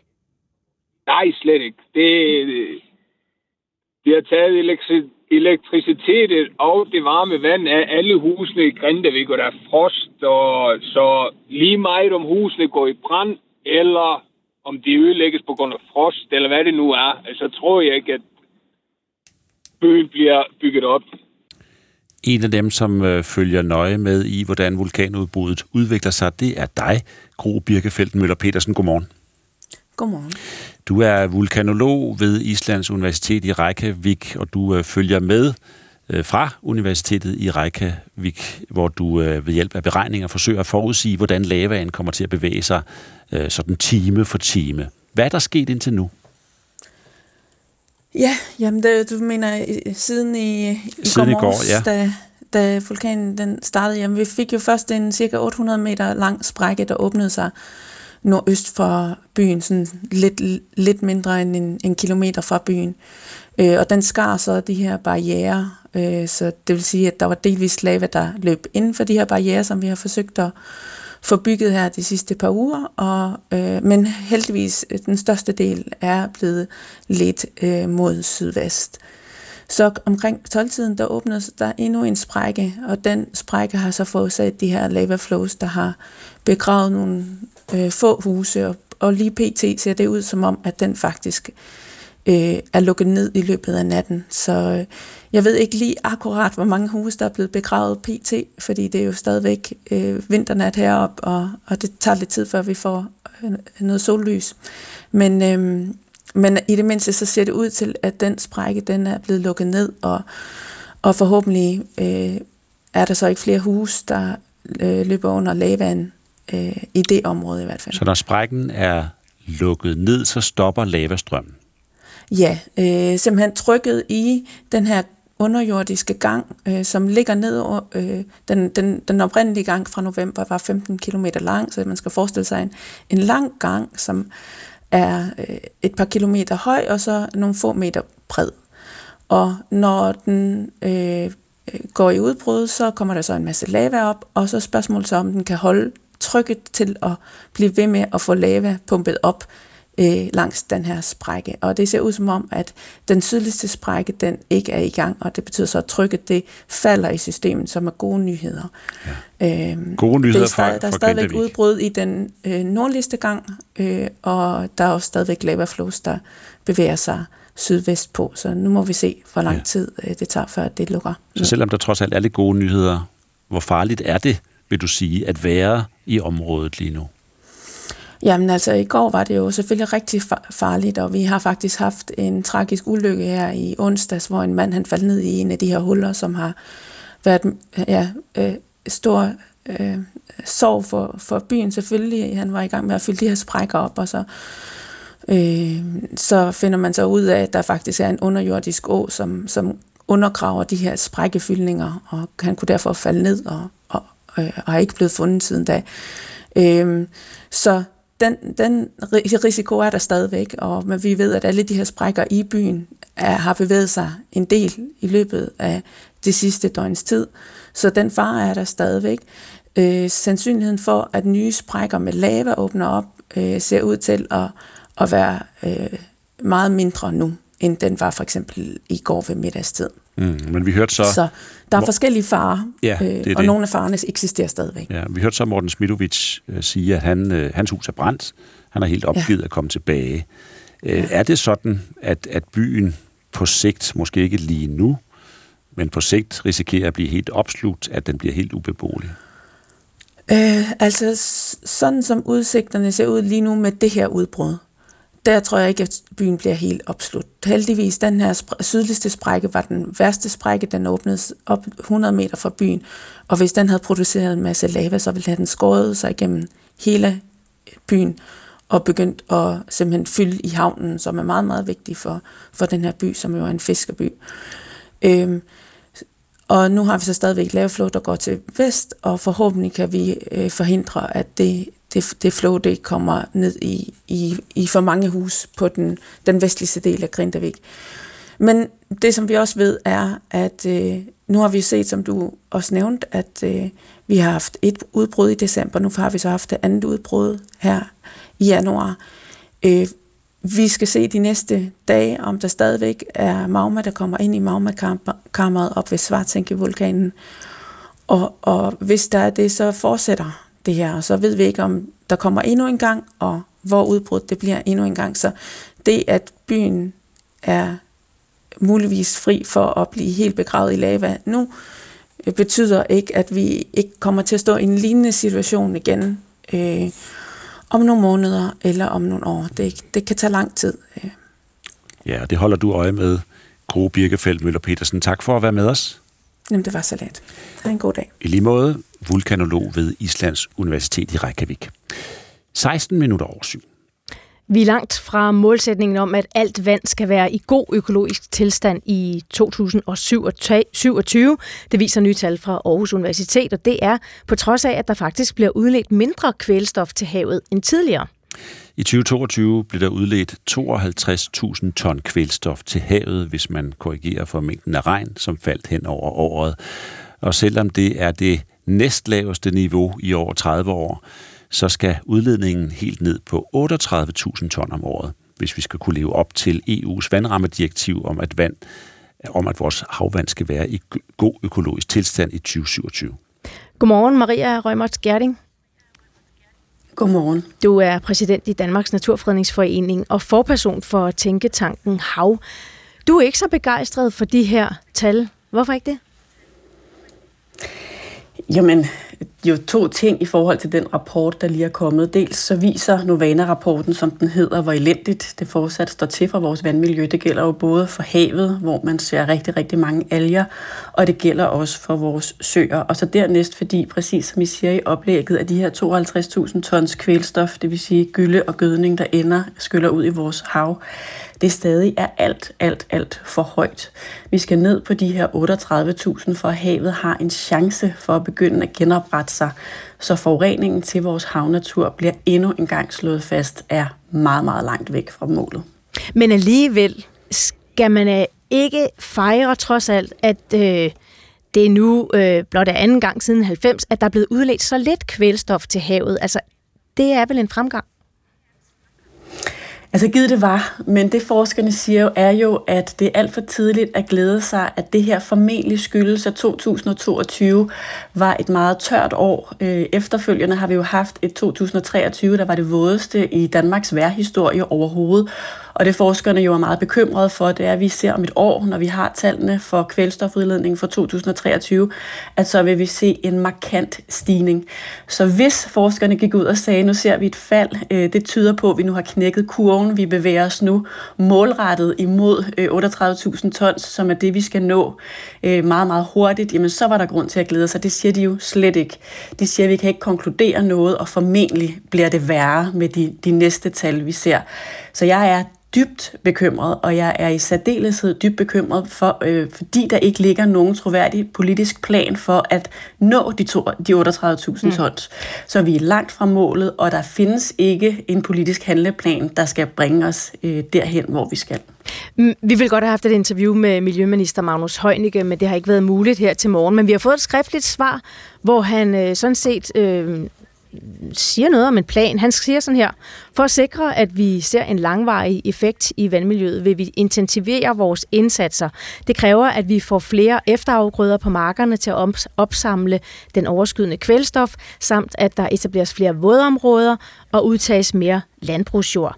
Sammen med et bredt flertal af Folketingspartier har vi afsat 405 millioner kroner til en akutplan for havmiljøet. Så altså konkrete forslag om øh, flere efterafgrøder, øh, flere vådområder og udtagning af mere landbrugsjord. Er det ikke et svar, der minder om en plan og kan give dig lidt ro i sindet? Nu har man jo i rigtig, rigtig mange år arbejdet med lige præcis de virkemidler, nemlig efterafgrøder og vådområder og til dels udtagning af landbrugsjord. Og kvælstofudledningen har stået stort set stille i snart 15 år. Så det er ikke virkemidler, der vil levere øh, den effekt, som vi har behov for. Jeg vil til hver en tid rose, at man sætter 405 millioner kroner af til havet, men vi bliver også nødt til at have en ærlig øh, samtale om, hvad der er nødvendigt. Når man har svigtet havmiljøet i årtier, så vil 105 millioner kroner måske, hvis man giver det med nogle jordopkøbsmidler, 405 kunne millioner gøre kroner, en ikke? Ja, 405 millioner, ja, ja undskyld. Øh, så vil det formentlig kunne gøre en, en, en indsats i ganske få fjorde. Det, der skal til, er øh, indsatser på et helt, helt andet niveau. Man bliver nødt til at regulere landbruget. Man bliver nødt til at sige til dem, her på al den her landbrugsjord, der er langs vores kyster, der er langs vores fjorde, der må I ikke længere gøde. Og hvis man gerne vil hjælpe landbruget, og det vil regeringen jo gerne, så kan man jo lave en opkøbsordning, så landmændene har mulighed for at sælge den jord, og den kan blive omlagt til græsarealer, til naturarealer, til meget, meget store vådområder, til skovrejsning, andre ting. Men det er mange, mange hundredtusind eller flere hundredtusind hektar, der skal ud af produktion, hvis vi skal nå målet om de 38.000 tons. Så jeg savner, at man politisk og fra regeringens side anerkender, hvad det er, der skal til, som er virkelig på et andet niveau, end det man har set hidtil med vådområder og efterafgrøder. Man har jo i lang tid prøvet at, at, at få det her løst via øh, altså landbruget til at samarbejde via frivillighed. Når du taler om mange hundredtusind hektar ud af produktion, hvordan skal man få landbruget med på den? Man bliver jo nødt til at regulere, og de frivillige aftaler, vi har baseret indsatsen på igennem mange, mange år, har jo ikke virket og har ikke leveret det, der var nødvendigt. Nu så vi i 2023 massivt ildsvind og fiskedød. Vi oplever fiskere, lystfiskere, danskere, der går ud og prøver at fange en fisk ved vores kystnære farvand, som siger, det kan vi simpelthen ikke længere. Altså havet er i voldsom krise, så vi bliver nødt til at gøre noget andet, Men når end du det, siger, vi har gjort i rigtig mange år. Du siger Som blandt regulere. andet baserer sig på frivillige aftaler. Ja, regulere, Ja, Maria. Rømert Gerding. Mener du så tvang? Ja, det gør jeg. Jeg mener regulering, hvor man siger, her ved vi, at vi ikke kan gøde, fordi at gødningen ender i for høj grad ude i havet, og havet kan ikke tåle mere. Så regulering er jo, at vi kigger ud over Danmarks kortet, vi ved, hvilke jorder det her drejer sig om, og der bliver vi nødt til at sætte ind og sige, her kan vi ikke gøde længere. Det er et, et forbud. Så synes jeg, at man skal række hånden ud til landmændene og sige, hvordan kan vi hjælpe jer videre på en god måde? Fordi det, I troede, I kunne dyrke på jeres marker, kan I ikke dyrke, fordi vores natur ikke kan holde til det. For mig at se, fra mit perspektiv, er det ikke til diskussion, om vi skal have livet tilbage i havet. Det skal vi. Og så skal landbruget hjælpes til omstilling, og vi skal have mange jorder ud af produktion, øh, så vi kan genetablere naturen, og så vi kan stoppe den forurening, som vores hav ikke kan tåle. Mm. Men, men tvangsmæssig hjælp til omlægning, det kan jo også lyde som ekspropriation.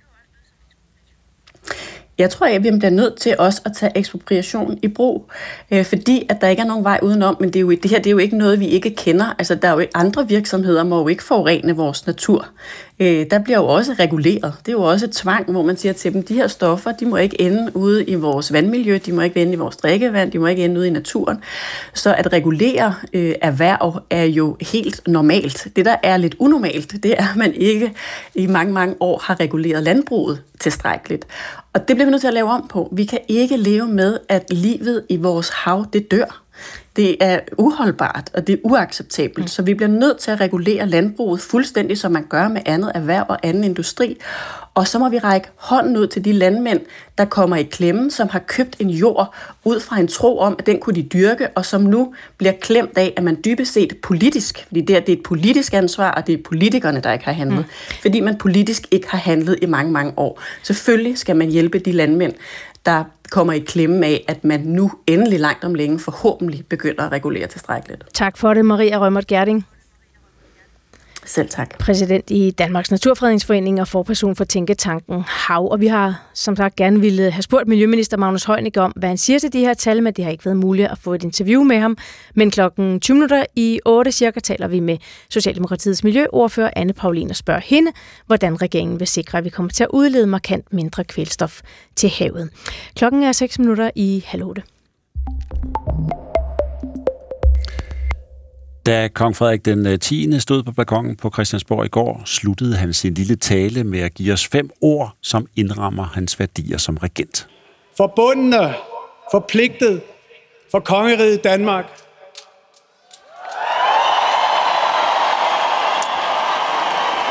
Ja, forbundne forpligtet for kongeriget Danmark er altså kong Frederiks valgsprog. Anders Ellebæk Madsen, godmorgen. Godmorgen.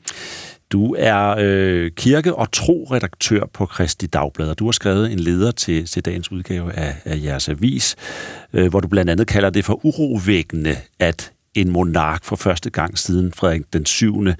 ikke har Gud med i sit valgsprog. Hvorfor er det urovækkende? Ja, det er der flere grunde til, og du nævner jo selv en af dem. Øhm, det er første gang siden øh, grundlovens indførelse, eller tiden omkring grundlovens indførelse, og noget af det kongehuset skal er jo at sætte os i forbindelse med tusind års historie. Øh, og der er den konstant i de tusind år, at Danmark har været et kristent land, og det har Margrethe og hendes far og, og, hendes, og hans far igen været meget opmærksom på. Og det kan også godt være, at Frederik er det, men man kan blive en lille smule nervøs, når man hører den der tale om noget større, som, som er noget andet. Mm, hvad er du nervøs for?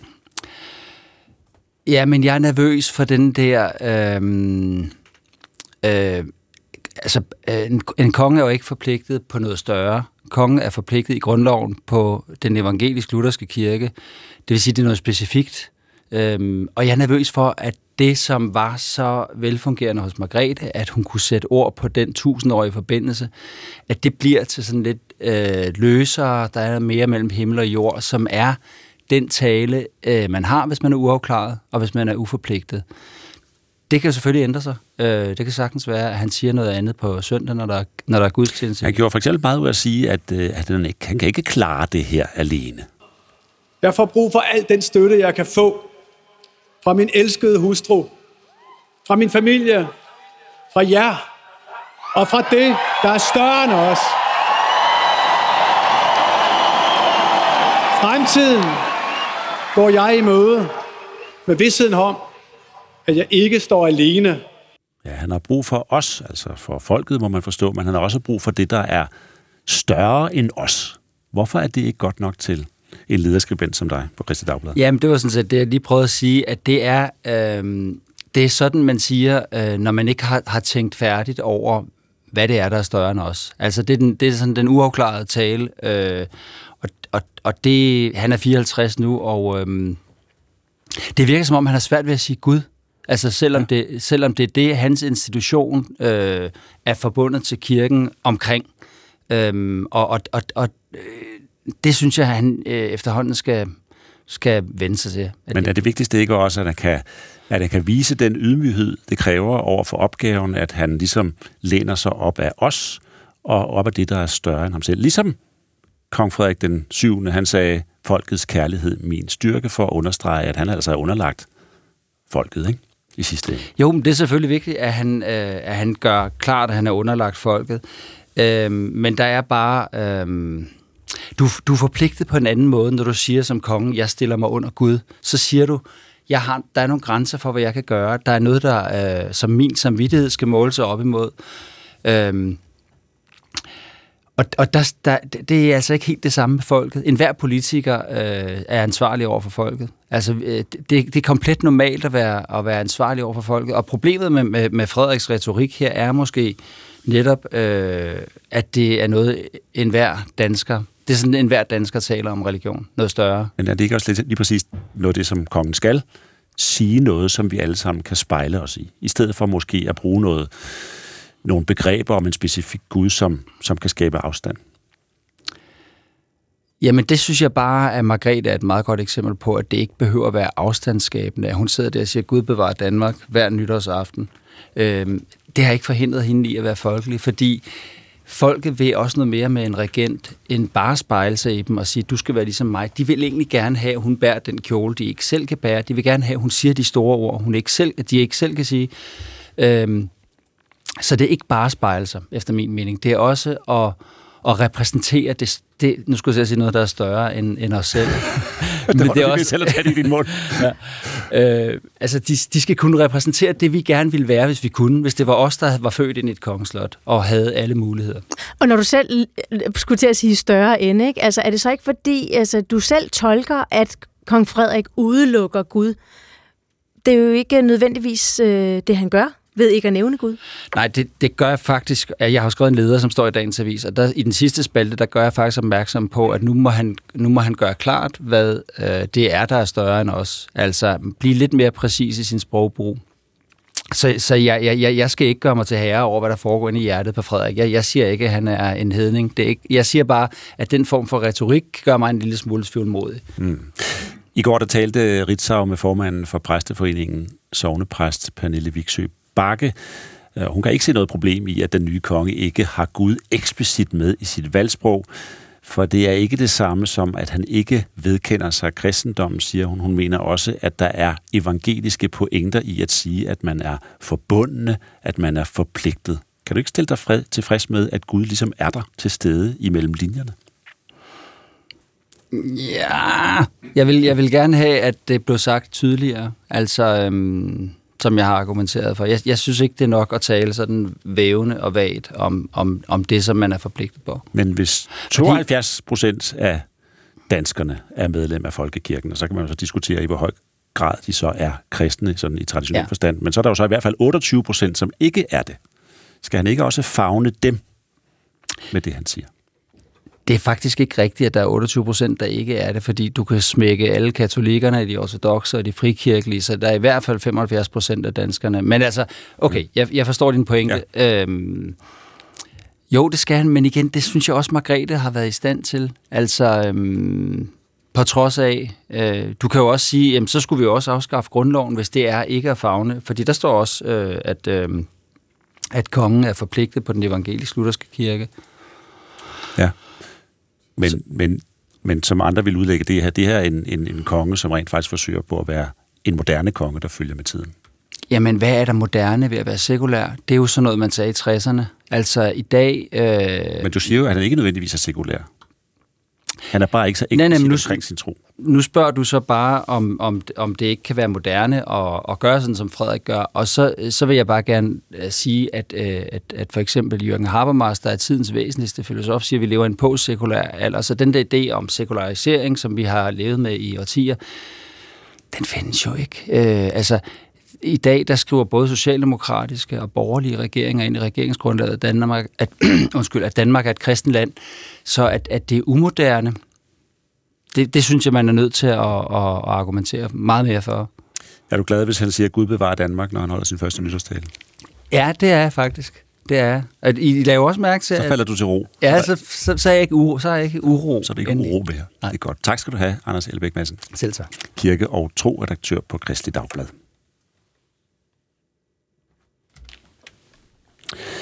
Ja, jeg, jeg ville egentlig godt have spillet en optro ja. op til... Øh, vi skulle lige have haft lidt lyd op mod nyhedsoverblikket, men, øh, vi har Michael Olsen i studiet, så du kan bare tage den jeg afsted, det Michael. Blingeling.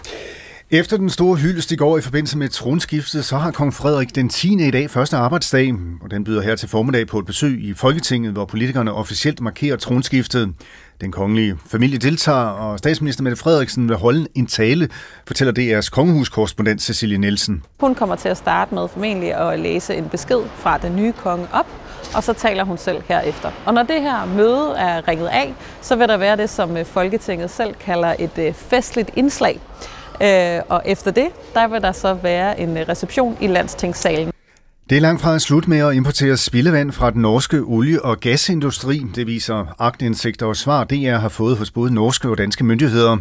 Kort før jul kunne Miljøminister Magnus Heunicke ellers fortælle, at to godkendelser til import af det stærkt forurenede spildevand fra Norge var trukket tilbage.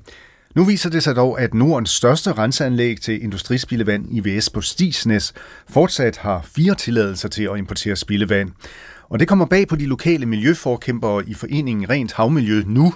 Formand Jan Rasmussen er skuffet. Det er ufatteligt, at ministeren kan have den holdning. Når han, han kom ud med det, at det var blevet stoppet, og så får vi det her at vide nu her. Jeg vil skulle kalde det skandaløst. Miljøminister Magnus Heunicke skriver til os, at han klart har givet udtryk for, at ikke al import af spildevand er stoppet. I den islandske by Grindavik flyder lavaen i lange orange baner efter vulkanudbruddet i går. Alle indbyggere i byen er evakueret, og ingen er kommet til skade, men tre huse gik op i flammer.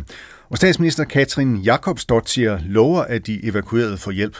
Obviously, we will be prolonging our support. Selvfølgelig vil vi forlænge vores støtte og betale løn og boligudgifter, men vi vil også øge vores indsats for at skaffe flere boliger til indbyggerne, siger hun.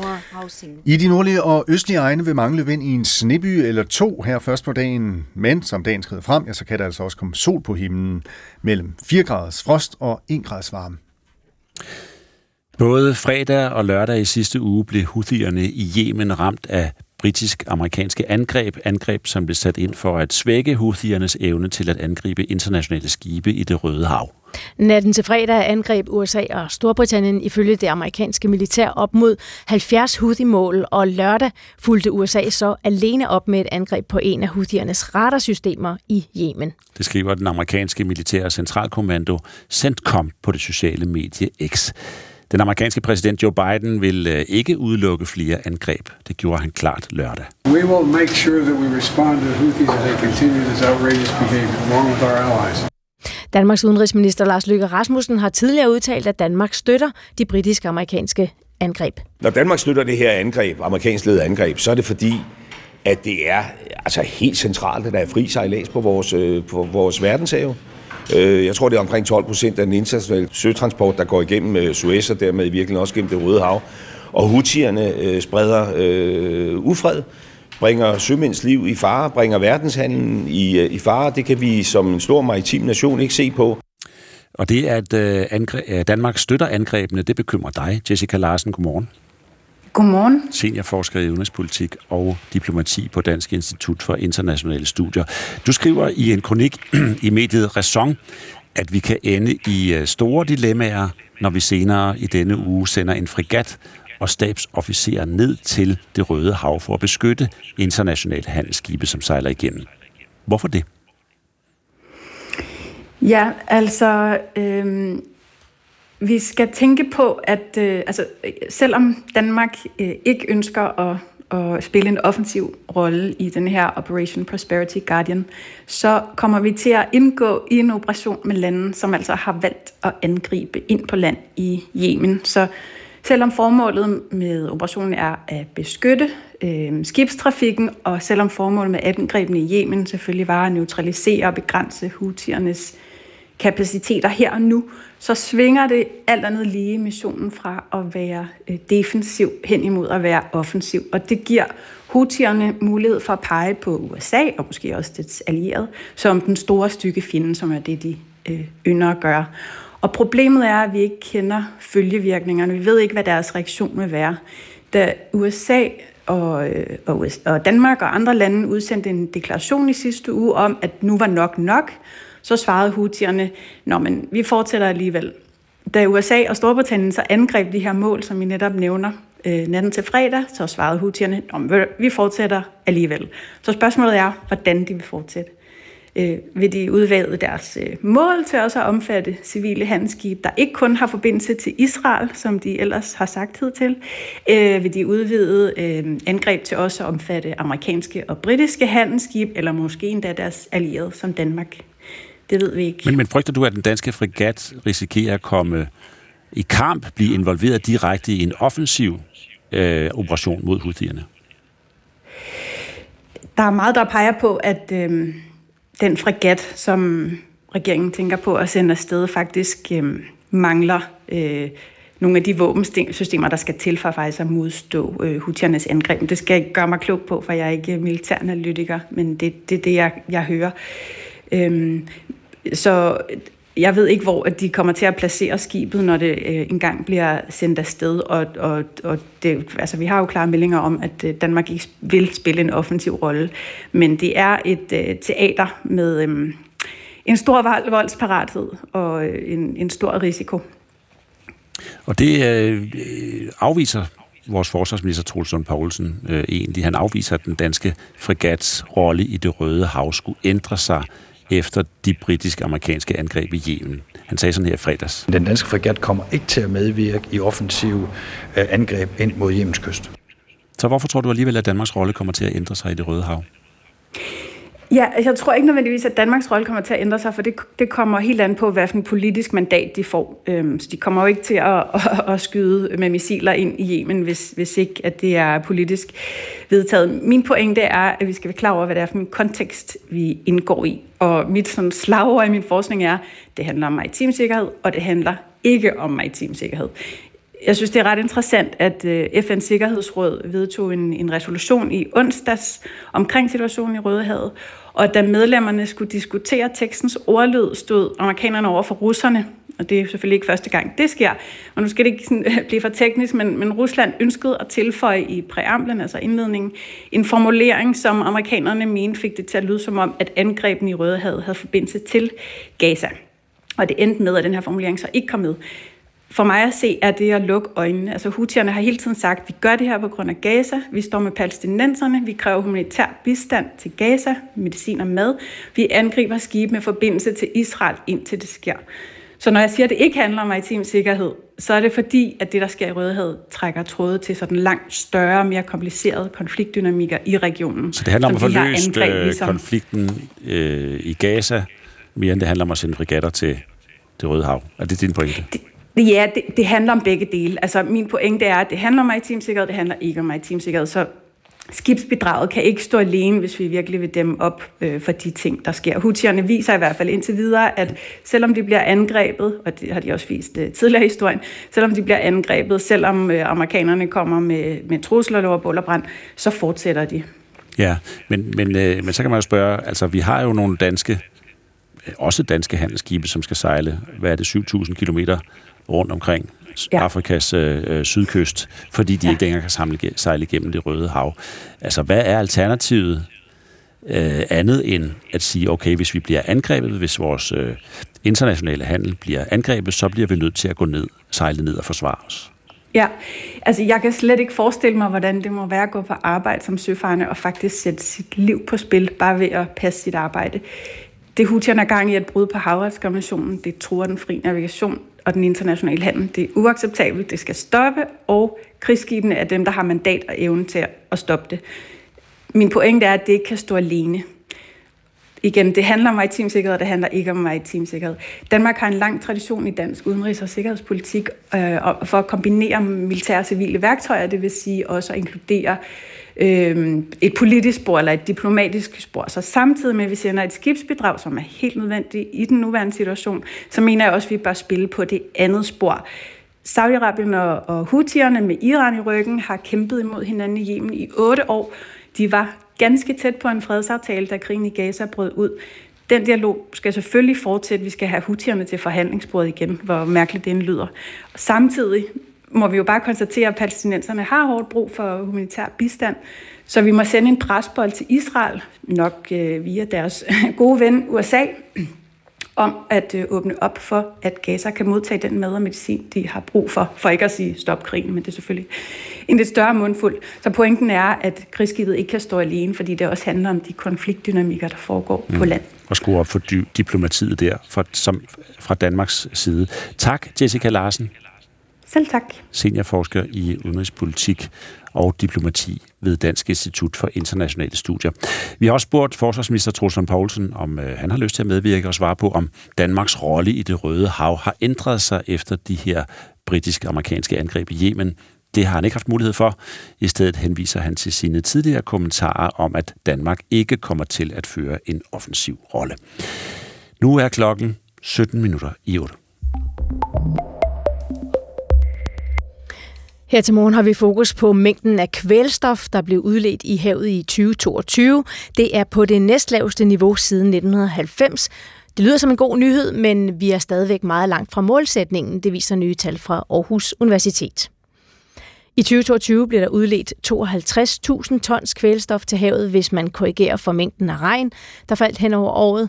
Men selvom det altså er det næstlaveste niveau i over 30 år, så skal udledningen ned på 38.000 tons om året, hvis vi skal kunne leve op til EU's vandrammedirektiv om at have vand i en god økologisk tilstand i 2027. Vi vil gerne have talt med Miljøminister Magnus Heunicke, men han stiller ikke op til her til morgen, men det gør du, Anne Paulin. Godmorgen. Godmorgen. Miljøordfører er du for Socialdemokratiet. Der er tre år til 2027. Er det realistisk, at vi når målsætningen om at udlede 38.000 tons om året til den tid? Der er ikke nogen tvivl om, at øh, vi har rigtig travlt, øh, men vi skal øh, nå at træffe de politiske beslutninger, der gør, at vi kan få den her kvælstofudledning øh, øh, bragt ned til de her 38.000 øh, tons. Og så er det klart, at der jo nok desværre øh, kommer til at gå nogle år, før øh, vi får den her gode økologiske tilstand tilbage i vores øh, vandløber, i vores søer, øh, i vores øh, farvand, øh, fordi der er en meget stor opgave der. Så er dit svar nej, det er ikke realistisk til 2027? Jo, altså du skal høre mit svar som, at vi øh, skal øh, i mål med øh, at få den her kvælstofudledning øh, reduceret. Øh, det er et øh, EU-mål. Øh, det er også noget, som der står i den landbrugsaftale, som øh, næsten samtlige Folketingets partier øh, står bag. Og vi har et genbesøg af den landbrugsaftale øh, senere i år, mm. for netop at sikre, at vi får truffet de beslutninger, der skal til, for at øh, vi får kvælstofudledningen sænket mm. til det her niveau. Og det du siger, det er jo et faktum, Anne Paulin. Så igen, altså, mener du, det er realistisk at nå det mål i 2027? Jamen, vi skal. Øh, vi har forpligtet hinanden i landbrugsaftalen til, ja, vi skal, at vi skal men mener du, det er realistisk? 38.000 tons. Ja, det mener jeg, det er, øh, fordi det føler vi en stor forpligtelse til, øh, at vi skal. Øh, især efter et efterår, øh, hvor vi jo har set øh, ildsvind øh, i flere steder i Danmark øh, på det højeste niveau i, mm. i 20 år, øh, som jo kun understreger, at situationen er ret øh, alvorlig i vores vandmiljø. Hans Todsen er seniorrådgiver på Institut for Ecoscience ved Aarhus Universitet og en af forfatterne bag den her rapport. Ifølge ham, så er det svært at se, at vi når målet til 2027. Der er ikke noget, der tyder på, at vi når det til 2027, øh, i hvert fald. Øh, men altså, det kommer helt an på, hvad for nogle øh, tiltag, der bliver, der, der, der bliver sat i værk, øh, og, og de udviklinger, man har gang i, hvordan de kommer til at kunne udnyttes. Så lad os lige prøve at blive konkrete, Anne Paulin, på, hvad er det konkret, I vil gøre for at sikre, at Danmark når målsætningen så meget, at du siger ja til, at vi kan nå det til 2027? Ja, men det er jo at sætte øh, turbo på nogle af de indsatser, som vi ved øh, virker. Øhm, og det er jo blandt andet øh, ting som efterafgrøder, det er vådområder, det er at få øh, flere lavbundsarealer øh, taget ud. Så er det jo også sådan noget som øh, at målret øh, reguleringen. Øh, der lige her 1. januar træt, hvad hedder det, trådte en ny målrettet regulering øh, i kraft, som forhåbentlig også gør, at vi kan sætte endnu mere ind på præcis de arealer, som vi ved har en, øh, en stor øh, hvad hedder det, kvælstofudvaskning. Og så skal der jo også mere til. Vi har øh, i 2023 også øh, fremlagt øh, vandrammeplaner, øh, som jo også indebærer blandt andet genslyngning af vores åer og vandløb. Der er jo rigtig mange af dem, som der igennem tiderne er blevet rettet ud. Øh, der er rigtig mange fysiske spærringer også, som også påvirker vandmiljøet. Vores søer skal restaureres. Vi skal kigge på stenrev, ålegræs og nogle af de her ting, der også kan gøre en forskel – i forhold til at genetablere livet ude i vores vandmiljø. Mm. Og hvis vi lige holder os til, til målrettet regulering i forhold til landbruget, hvad er vi ude i her? Er du indstillet på, at vi skal øh, stille krav, altså krav til landbruget, som ikke beror på frivillighed? Jamen, de frivillige øh, aftaler, de øh, er gode langt hen ad vejen. Øh, men det er selvfølgelig også vigtigt, øh, at der hvor vi kan se, at her kan vi ikke nå alt øh, igennem frivillighedens vej, at vi øh, ikke øh, afviser nogen værktøjer. Øh, fordi det afgørende det er, at vi skal i mål med øh, at komme øh, ned på de her 38.000 tons kvælstofudledning. Øh, så vi afviser ikke nogen øh, værktøjer i værktøjskassen. Øh, det vigtige det er, at vi når målet. Så når man ikke afviser værktøjer, hvad indebærer det så, Anne Paulin? Altså i sidste ende, kunne det være, at man tvangsmæssigt beder øh, landbruget om at afgive øh, noget landbrugsjord? Øh, jamen, vi er jo allerede i gang med at tage mange lavbundsarealer ud, og det er klart, at hvis du har en situation for eksempel, hvor øh, man har nogle store arealer, som øh, øh, man kan tage ud, men der måske er en enkelt lodsejer eller lignende, som øh, der, der, der stiller sig imod det, øh, der må man jo så nok sige, at øh, jamen, der er det jo så vigtigere, at vi øh, for miljøets skyld øh, sørger for, at det areal det, det bliver taget ud. Mm. Øhm, så der vil jeg da slet ikke afvise, at man øh, kunne, kunne gå ind og, og øh, altså for eksempel ekspropriere, hvis at, øh, at det er sådan et eksempel her. Øh, men jeg tror nu også, det er vigtigt at understrege, øh, at det er, jo ikke, øh, det er jo ikke det, som der kommer til at løse det i det store og hele. Øh, med mange af de her øh, lavbundsprojekter, øh, der er det jo også fordi, at det er teknisk øh, og logistisk øh, bøvlet at få det til at, at lykkes. Og det er jo blandt andet noget af det, vi vil se på i den her øh, akutpakke, som vi skal implementere fra finansloven. Øh, hvad kan vi gøre der for også at sætte turbo øh, på de indsatser, øh, som er derude? Fordi vi oplever egentlig også, at der også er mange landmænd, der gerne vil være med til at tage de her arealer ud. Øh, men der er mange praktiske udfordringer med det. Vi har også talt med Maria Rømert Gerding, præsident i Danmarks Naturfredningsforening. Hun tror ikke på, at målsætningen bliver nået til 2027, og øh, Miljøministerens svar, som vi har modtaget om flere efterafgrøder, du nævner det også på markerne til at opsamle overskydende kvælstof, flere vådområder og udtagning af mere landbrugsjord, det giver hende ikke øh, ro i maven på at høre. Nu har man jo i rigtig, rigtig mange år arbejdet med lige præcis de virkemidler, nemlig efterafgrøder og vådområder og til dels udtagning af landbrugsjord. Og kvælstofudledningen har stået stort set stille i snart 15 år. Så det er ikke virkemidler, der vil levere øh, den effekt, som vi har behov for. Jeg vil til hver en tid rose, at man sætter 405 millioner kroner af til havet, men vi bliver også nødt til at have en ærlig øh, samtale om, hvad der er nødvendigt, når man har svigtet havmiljøet i årtier.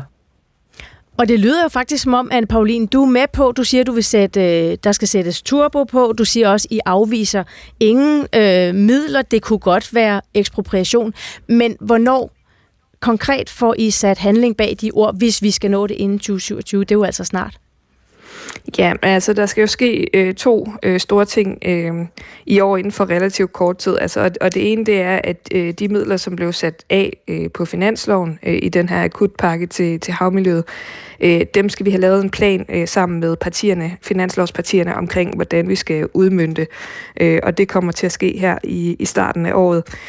Og øh, det næste, som vi jo så også skal, det er, at vi skal genbesøge landbrugsaftalen, som jo har den her miljøgaranti i sig, øh, som øh, skal sikre, at vi øh, øh når vores, øh, vores mål om at få nedbragt kvælstofudledningen. Så det kommer til at være et, øh, et år i, øh, i vandmiljøets tegn, øh, og det øh, er også vigtigt efter blandt andet de ildsvind, som vi har set øh, det her efterår. Så hvis tallene viser det samme om, om et år, eller skal vi hellere sige, om et år er vi så et godt stykke længere på vejen, hvis det står til dig? Det, det vil jeg jo håbe, men det er vigtigt at sige med de her øh, tal fra den her Novana-rapport, at der er jo nogle usikkerheder omkring det. Nu kan vi se nogle tal, hvor øh, der sådan set peger på en, øh, en fremgang, øhm, men vi ved også, at det har været et tørt år. 2022, som de her tal handler om, og vi ved, at 2023 har været et rigtig vådt år, og hvor vi også har set øh, ildsvind.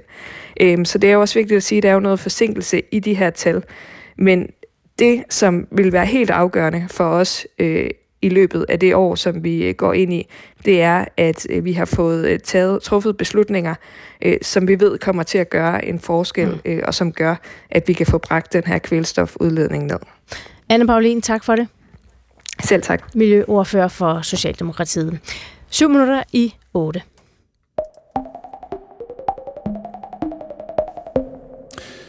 Der var præsidentvalg i Taiwan i weekenden. Taiwans vicepræsident Lai Ching-te fra partiet DPD blev udråbt som vinder af præsidentvalget lørdag. Et valg, som vi også øh, herhjemme bør interessere os for, for Danmark har nemlig meget store erhvervsinteresser i Taiwan, fortæller DR's Asien-korrespondent Philip Rohn danske virksomheder investerer en øh, rigtig, rigtig mange penge i, øh, i Taiwan, især i blandt andet vindenergi. Og så er der også øh, det med, at Taiwan er en øh, teknologisk supermagt, og man vil de øh, laver en pokkers masse komponenter til alt det elektronik, vi bruger i vores dagligdag. Faktisk er Danmark Europas største investor i Taiwan, og danske virksomheder investerede sammenlagt 24,3 milliarder kroner i 2022, viser tal fra børsen. Peter Thasen, godmorgen. Godmorgen. Chef for Global Handel og Investering i Dansk Industri. Det bliver altså Lai Ching-te fra det demokratiske progressive parti, som skal være Taiwans næste præsident. Og det er et parti, som går stærkt ind for taiwanesisk uafhængighed, og det har siden øh, de vandt valget i 2016 forsøgt at forbedre forholdet til USA. Men omvendt så har Beijing kaldt DPD for farlige separatister, og den øh, nye præsident er kendt for at være mere Kina-kritisk og uafhængighedsorienteret, end den nuværende præsident øh, var det. Hvad betyder valget af ham for danske handelsinteresser? Ja, det, det er rigtigt, at, at der i sådan en valgkamp, så, så, så vil man sådan ofte jo se retorisk, så går man måske lidt længere, end, end det man efterfølgende vil gøre i sin reelle politik. Men det er rigtigt, at øh, William Leje der, øh, som, som øh, hidtil har været vicepræsident i den tidligere regering, nu, nu bliver præsident, og, og han er bestemt ikke den kandidat, som, som Kina havde håbet på øh, ville vinde valget. Øh, men jeg, jeg anser det egentlig primært for at være sådan lidt en rituel dans om den varme grød, dels, altså både fra taiwanesisk side, men egentlig også fra kinesisk side. Kineserne har også været ude efterfølgende og, og, og hvad skal man sige, øh, markere øh, deres øh, hvad hedder det, politik øh, i forhold til Taiwan, hvor, hvor der jo de facto, kan man sige, er selvstyre, men hvor der ikke er, er er fuldt officiel uafhængighed, og samme årsag har Danmark for eksempel ikke en ambassade i, i Taiwan. Men, men jeg vil samtidig sige, at jeg synes egentlig, når man ser på substansen, så, så alle de tre øh, præsidentkandidater, som, som var opstillet til valg i Taiwan, altså når man ser på deres, øh, hvad skal man sige, realpolitik, så er der faktisk ikke nogen af dem, øh, der, der i, i realiteten vil ændre særlig meget på, mm. på Taiwans politik i forhold men, men når vi ser på den anspændte situation, som er ja. i forholdet mellem Taiwan og Kina, øh, som mm. har, har, har fyldt meget øh, det, den seneste tid, er det så, eller kan det gå hen og blive et problem alligevel, at man så har valgt netop den kandidat, Beijing aller nødigst ville have? Altså, det er jo selvfølgelig en problemstilling, som er blevet, blevet, der er blevet fokuseret meget på, kan man sige, her i, i, i weekenden, også i international presse. men, men, jeg, men jeg tror egentlig, i, i realiteten, så, så vil man se en, en, en kontinuitet, altså en videreførelse af den politik, der har været ført i de, i de, i de, i de tidlige år i Taiwan. Så i, i praksis tror jeg ikke, det vil få den store betydning. Reelt så tror jeg faktisk, at vi vil se en form for, for status quo, og det tror jeg under de givende omstændigheder faktisk realiteten også er det bedste, vi kan håbe på set med, med danske briller. Men er der sådan, med den sikkerhedssituation, vi ser, en, øh, en konkret trussel øh, for de store vindmølleprojekter, Danmark har i Taiwan? Nej, det er rigtigt, at Danmark øh, er, er involveret i nogle enormt store øh, offshore havvindmølleparker i Taiwan. Øh, men, men, men jeg anser ikke på den måde, at, at, at der er nogen risiko for, for, for de projekter overhovedet. Øh, det man også skal huske på, det er, at øh, økonomien øh, i, i, i Kina er faktisk ret presset. Altså, de har jo været øh, privilegeret med at have to vækstrater igennem mange år. Øh, de er nu ved at, at flade ud. Øh, og, og det der med at kunne fastholde økonomisk vækst i Kina øh, er en enorm høj prioritet for Kommunistpartiet i Kina. Og det er også ligesom det, der er den primære license to operate for regeringen øh, i Kina over for befolkningen. Så det der med at kunne sikre økonomisk vækst, det er virkelig noget, der bliver prioriteret højt. Og det sidste, kineserne har brug for, det er også en konflikt med Taiwan, fordi vi får helt uoverstuelige store økonomiske konsekvenser ja, for hele verdensøkonomien, både for Danmark, for Kina, for, for Taiwan og resten af verden. Men, men i en tid, hvor det måske kniver lidt med økonomien, økonomien i Kina, der kunne man jo, og det er jo det, nogen frygter, der kunne der jo være, der var behov for det, fra det kinesiske styres side at skrue op for en eller anden form for nationalisme, og den vil jo blive kraftigt forstærket, hvis man indleder en konflikt med Taiwan. Ja, men, men, men det, er, det er rigtigt, øh, og, og man, kan, man, kan jo, man, altså man kan jo forestille sig alle mulige scenarier, øh, som man bliver enormt bekymret for. Men, men jeg tror egentlig, at, øh, at fornuften vil sejre, det føler jeg mig ret overbevist om, øh, fordi øh, den, altså man, man kan sige meget om, om, om, om kommunistpartiet i, i Kina, men altså det her med at sikre økonomisk fremgang, det er enormt vigtigt. Vi så det også her i forbindelse med corona, hvor befolkningen øh, efter flere år med en meget, meget hård coronanedlukning i Kina begyndte at, at, at, at, og virkelig offentligt øh, brugte højligt. Øh, og der, der, sad det man jo rent, der sad det man jo rent faktisk om. Så man har, man har faktisk altså virkelig respekt for det her med, om man har befolkningen med sig.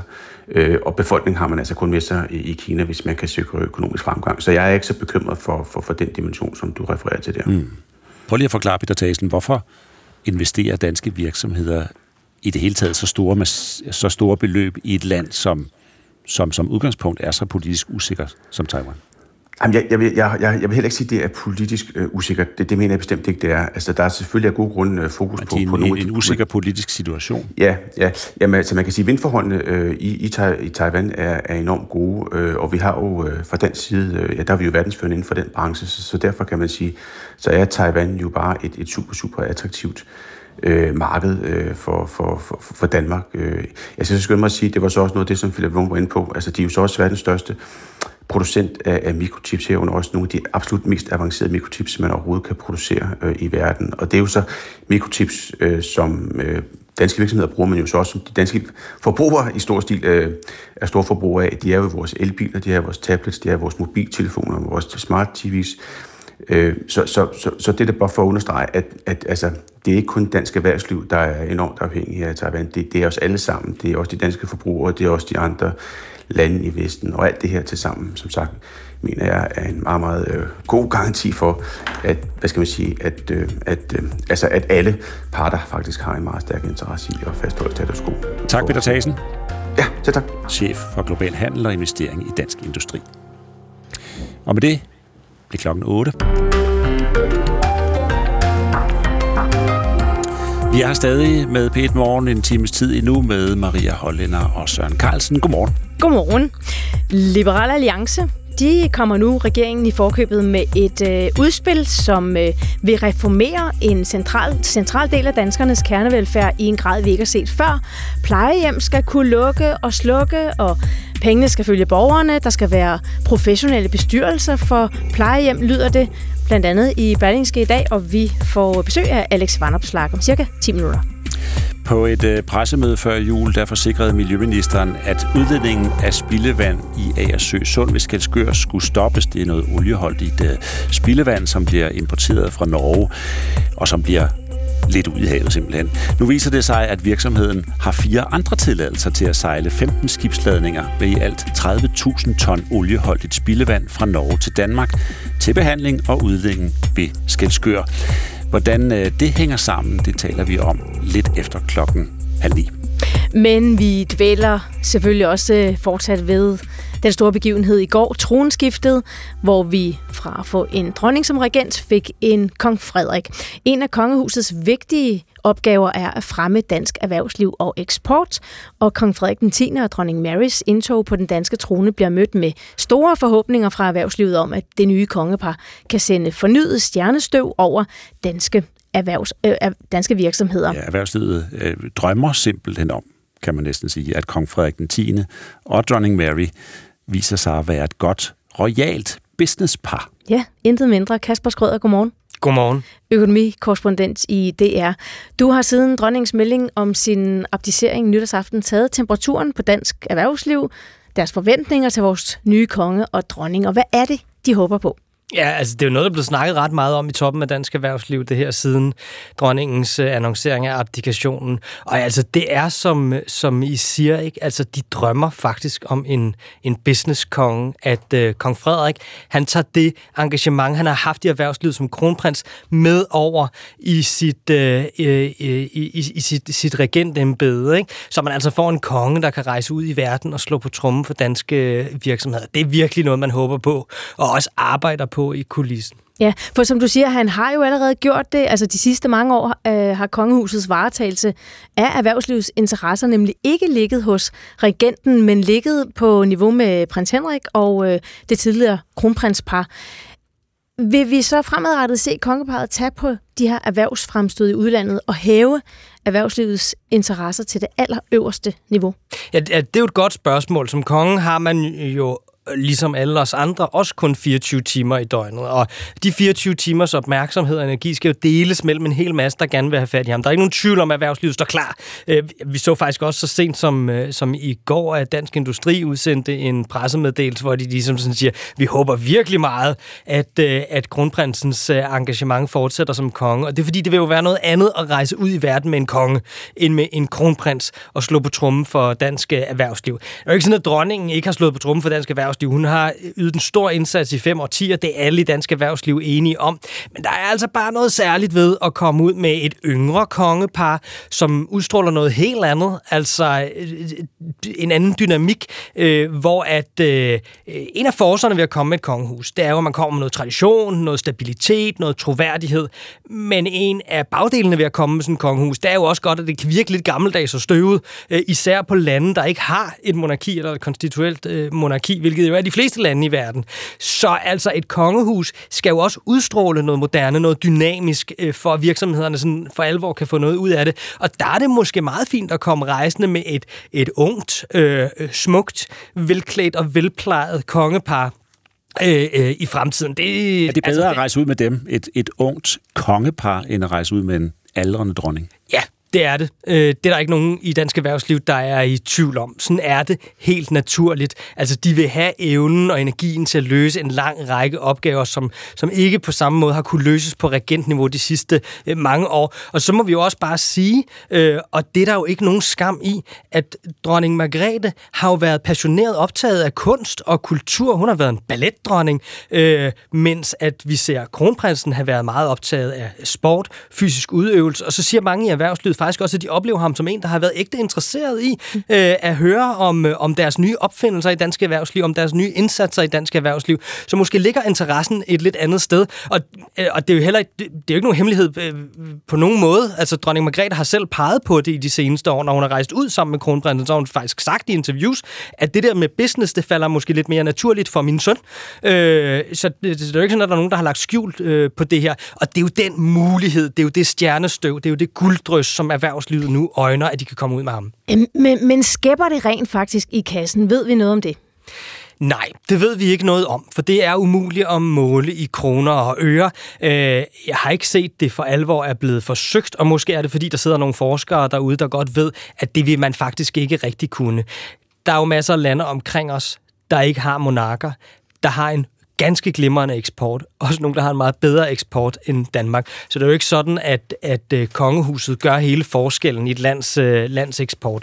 Men man må også bare sige, at dansk erhvervsliv er glad for at have dem med ud, fordi at, øh, det gør to forskellige ting. Det skaber dels en masse opmærksomhed. Hvem vil ikke gerne have opmærksomhed, når man kommer som købmænd ud i en stor verden fra et lille land, og skal skabe opmærksomhed og have solgt sine, sine varer. Så åbner det også døre, og det åbner to slags døre. Det åbner døre ind til kunder, der måske vil være mere tilbøjelige til at møde op, hvis der er et kongehus, man kan hilse på, men så åbner det også døre over for myndigheder. Og der er nok noget meget vigtigt ved kongehuset i erhvervsfremstød her. Mange danske virksomheder øh, sælger øh, meget store maskiner, der kræver, at myndighederne også er inde over. Altså, hvis man skal sætte en vindmølle op, så er det ikke nok at sælge en vindmølle til dem, der, øh, der, der nu vil producere strøm med dem. Man skal også have tilladelse til at stille den der vindmøllepark op. Man skal have tilladelse til at importere den her slags teknologi i et land. Og der kan kongehuset jo give den politiske del af sådan et erhvervsfremstød adgang til nogle personer, som ellers ville være rigtig svære at få, få adgang til. Så det betyder mange forskellige ting, som alle sammen er meget svære at sætte kroner og øre på.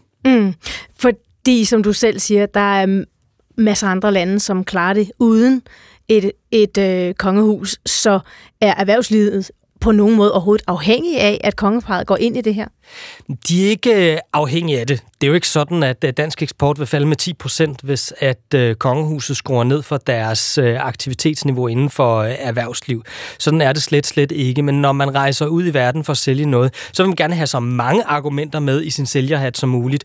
Det kan være, at man har det billigste produkt, det kan være, at man har det grønneste produkt, det kan være, at man har det mest effektive produkt, men det kan også være storytellingen bag den nation og det, man er rundet af. Så som, at vi kommer fra et kongehus, der bakker op om os, det signalerer, det er en stabil øh, nation, det her. Det, det er noget, man kan stole på. Det er noget, der er troværdigt. Det er noget, der er forankret i, øh, i historien. Og det er der ingen sælger i verden, der vil sige nej tak til at have sådan et kongeargument med i hatten. Kasper Skrøder, tak for besøget. Velbekomme. Økonomikorrespondent i DR. Klokken er 13 minutter over 8. De danske plejehjem, de er ikke gode nok. Øh, det har vi kunne se i nogle af de dokumentarfilm, som afdækker øh, umenneskelige forhold øh, nogle steder. Det mener øh, Liberal Alliance. Derfor vil de radikalt ændre den måde, som vi øh, driver plejehjemmene på øh, herhjemme. Det skriver øh, Berlingske i dag. Ja, de kommer simpelthen regeringen i forkøbet med deres bud på et nyt udspil på ældreområdet. Og hvis det står til partiet, så skal måden, vi driver plejehjem på, simpelthen ændres fuldstændig. Udspillet består af fem principper, blandt andet at plejehjemmene skal frigøres fra kommunerne og i stedet være drevet af professionelle bestyrelser. Desuden skal de øh, ændre kunne tilkøbe ydelser, og der skal være mere selvbestemmelse i forhold til, om man vælger et privat eller et offentligt tilbud. Pengene skal så at sige følge den ældre, og så kan den ældre selv bestemme, hvad pengene skal bruges til i forhold til øh, plejehjem. Alex Van Opslag, godmorgen. Godmorgen. Formand for Liberal Alliance. Og det er dig, der har givet øh, interview til Berlingske om øh, jeres planer her. Hvad er det, eller ja, hvorfor er det, der skal laves så radikalt om den måde, vi driver de danske plejehjem? Nå, men det, det, det skal vi sådan øh, helt overordnet, fordi at øh, det er et af de områder, øh, som er øh, mest udfordret i dag. Altså når man spørger danskerne, hvor tilfredse de er med de forskellige velfærdsområder, så er øh, hele ældreområdet desværre et af de områder, hvor, hvor danskerne både er mest bekymrede, men også øh, mest utilfredse.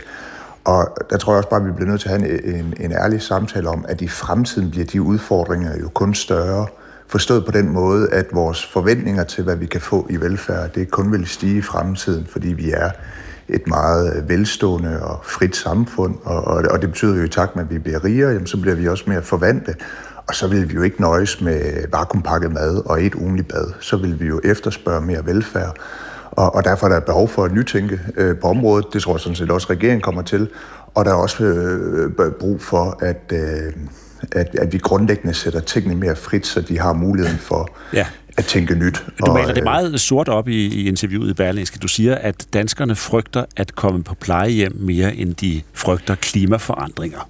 Hvor ved du det fra?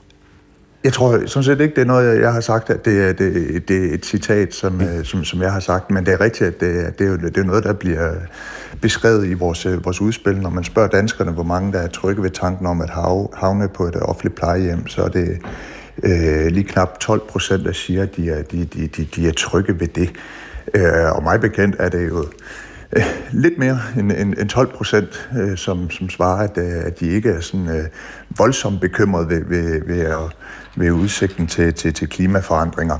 Så det er egentlig også bare mest alt for at slå fast, at det er jo noget, der virkelig er en udbredt frygt, som, som, som er, er nært i, øh, i folks liv. Og det tænker jeg egentlig også er en relativt ukontroversiel øh, ting at sige, at, at der er nogle udfordringer på plejeområdet, og det er jo, antager jeg i hvert fald, også derfor, at regeringen jo snart må præsentere et udspil, som jeg i hvert fald også forventer vil gå ret drastisk øh, til værks, fordi der er virkelig brug for øh, at, at, tænke nyt. Og der er et af vores forslag jo så, at det ikke er kommunalbestyrelserne, der i fremtiden skal, skal drive de her plejehjem, men at de i højere grad skal være selvejende og frie, så de selv kan indrette sig på den måde, de tror er bedst for de ældre. Du taler om professionelle bestyrelser. Hvad, hvad, hvem skal sidde i sådan en professionel bestyrelse så? Ja, det er jo lige præcis ikke mig, der skal udpege dem. Det, det, det, det skal jo være en professionel bestyrelse, og derfor skal det jo også i højere grad være nogle, nogle fagpersoner. Og det er jo ikke en, en model, som er sådan fuldstændig ukendt. Altså hvis man tager gymnasierne eller universiteterne, så kan det godt være, at de er offentligt ejet, men de er jo selvejende, og de har øh, professionelle bestyrelser og bliver drevet på, øh, på, på, på den måde. Og det er jo en, en, en lignende model, som, som vi ønsker os for, for de plejehjem, som er drevet og ejet af kommunerne i dag. Det er cirka 95 procent af alle plejehjem i Danmark, de er øh, kommunalt drevet, og kommunalt ejet, så er der 5 procent af friplejehjem, altså private plejehjem.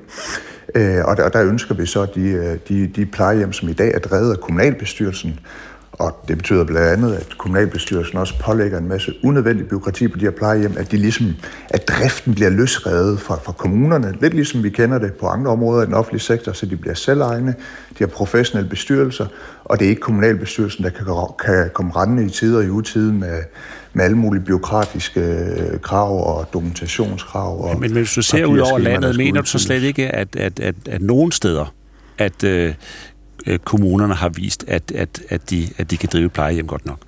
Jamen selvfølgelig er der da øh, gode eksempler på gode plejetilbud. Altså der er der jo på alle velfærdsområder, der er der jo eksempler på, at der er nogle steder, det, det fungerer godt.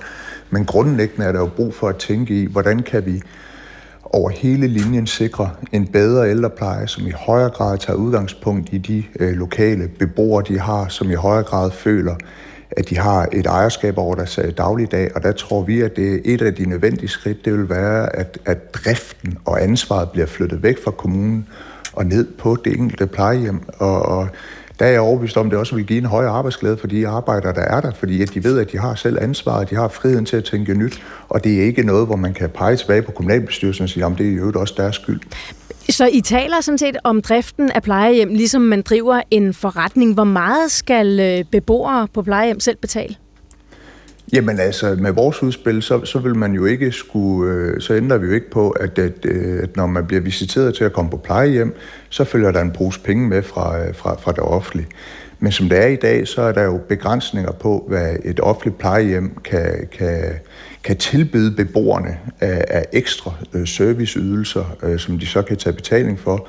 Det kan de kun på, på, på friplejehjemmene. Og der siger vi, set i lyset af, at vi hele tiden bliver rigere og rigere, at vi efterspørger mere velfærd, og vi ved, at øh, på ældreområdet, der kan de private nogle ting, som de offentlige ikke må.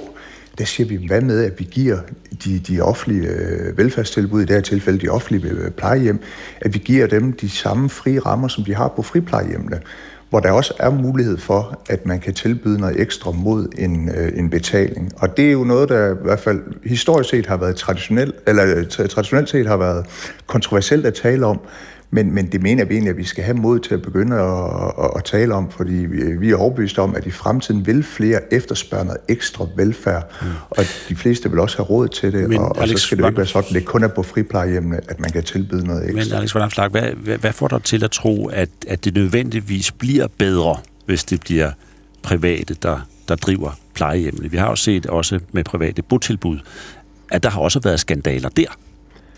Jamen, jeg tror heller ikke nødvendigvis, det bliver bedre, bare fordi det er private. Men jeg er overbevist om, at det bliver bedre, hvis der er en højere grad af konkurrence.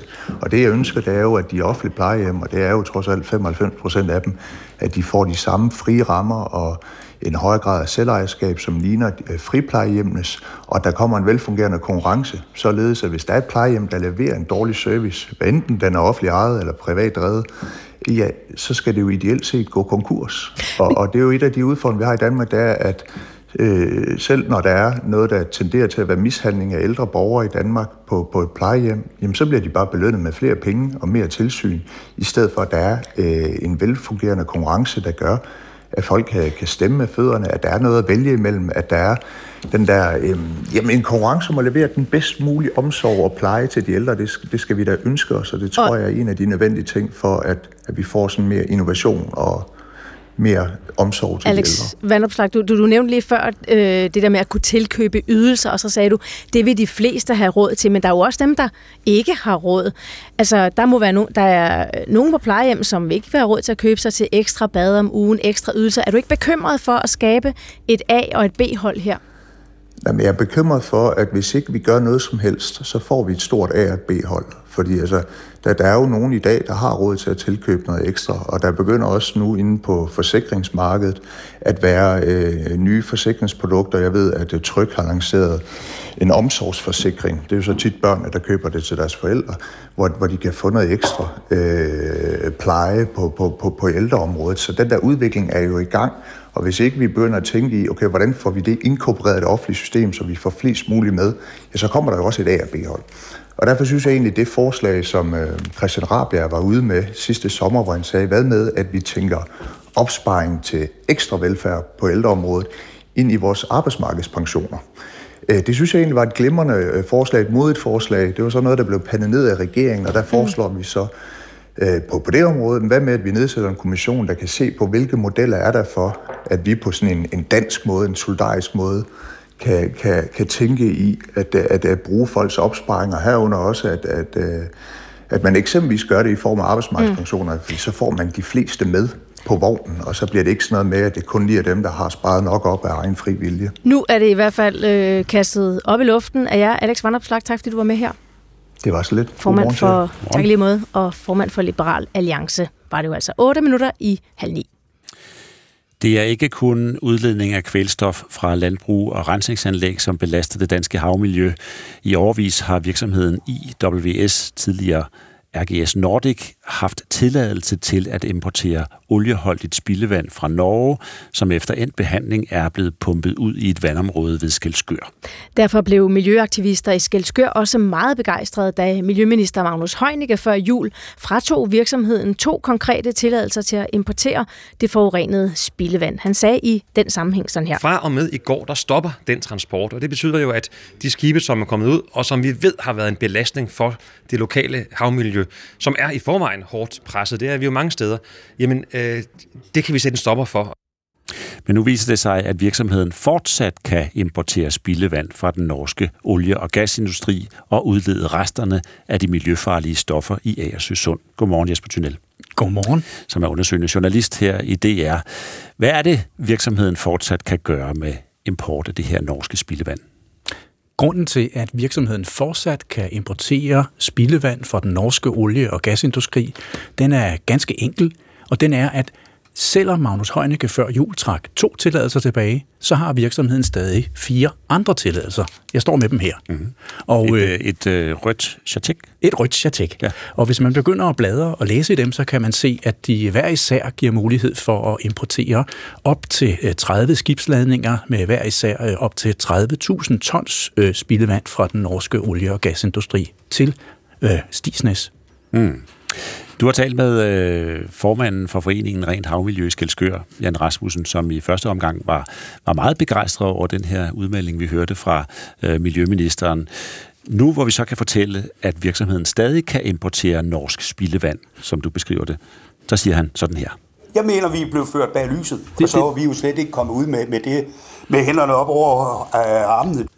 Og øh, så fortsætter han. Jeg kan sgu næsten kun sidde og grine af det. Det er simpelthen så latterligt, det der foregår. Fordi en minister kører ned og skal overrække os nyheden, ikke? Og så viser der et fanden flæk med, du han, han omtaler ikke de der fire, du er bekendt med det her.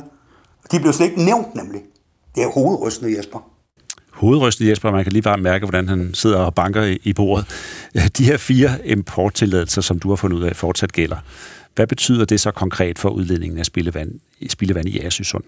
Jeg har talt med virksomheden IVS, og de fortæller, at de øh, fortsat anvender to af de stadig gældende tilladelser og har tænkt sig at blive ved med at bruge øh, to af de tilladelser til at importere øh, spildevand fra Norge. To andre tilladelser øh, øh er det mindre sandsynligt, at de kommer til at bruge, men de altså regner med at blive ved med at importere, bliver ved med at rense spildevand og udlede resten af de miljøfarlige stoffer, som ikke kan sorteres fra i, i rensningen i Agersø Sund ved Stisnes. Og hvor alvorligt er det? Det er ikke op til mig at vurdere. Mm.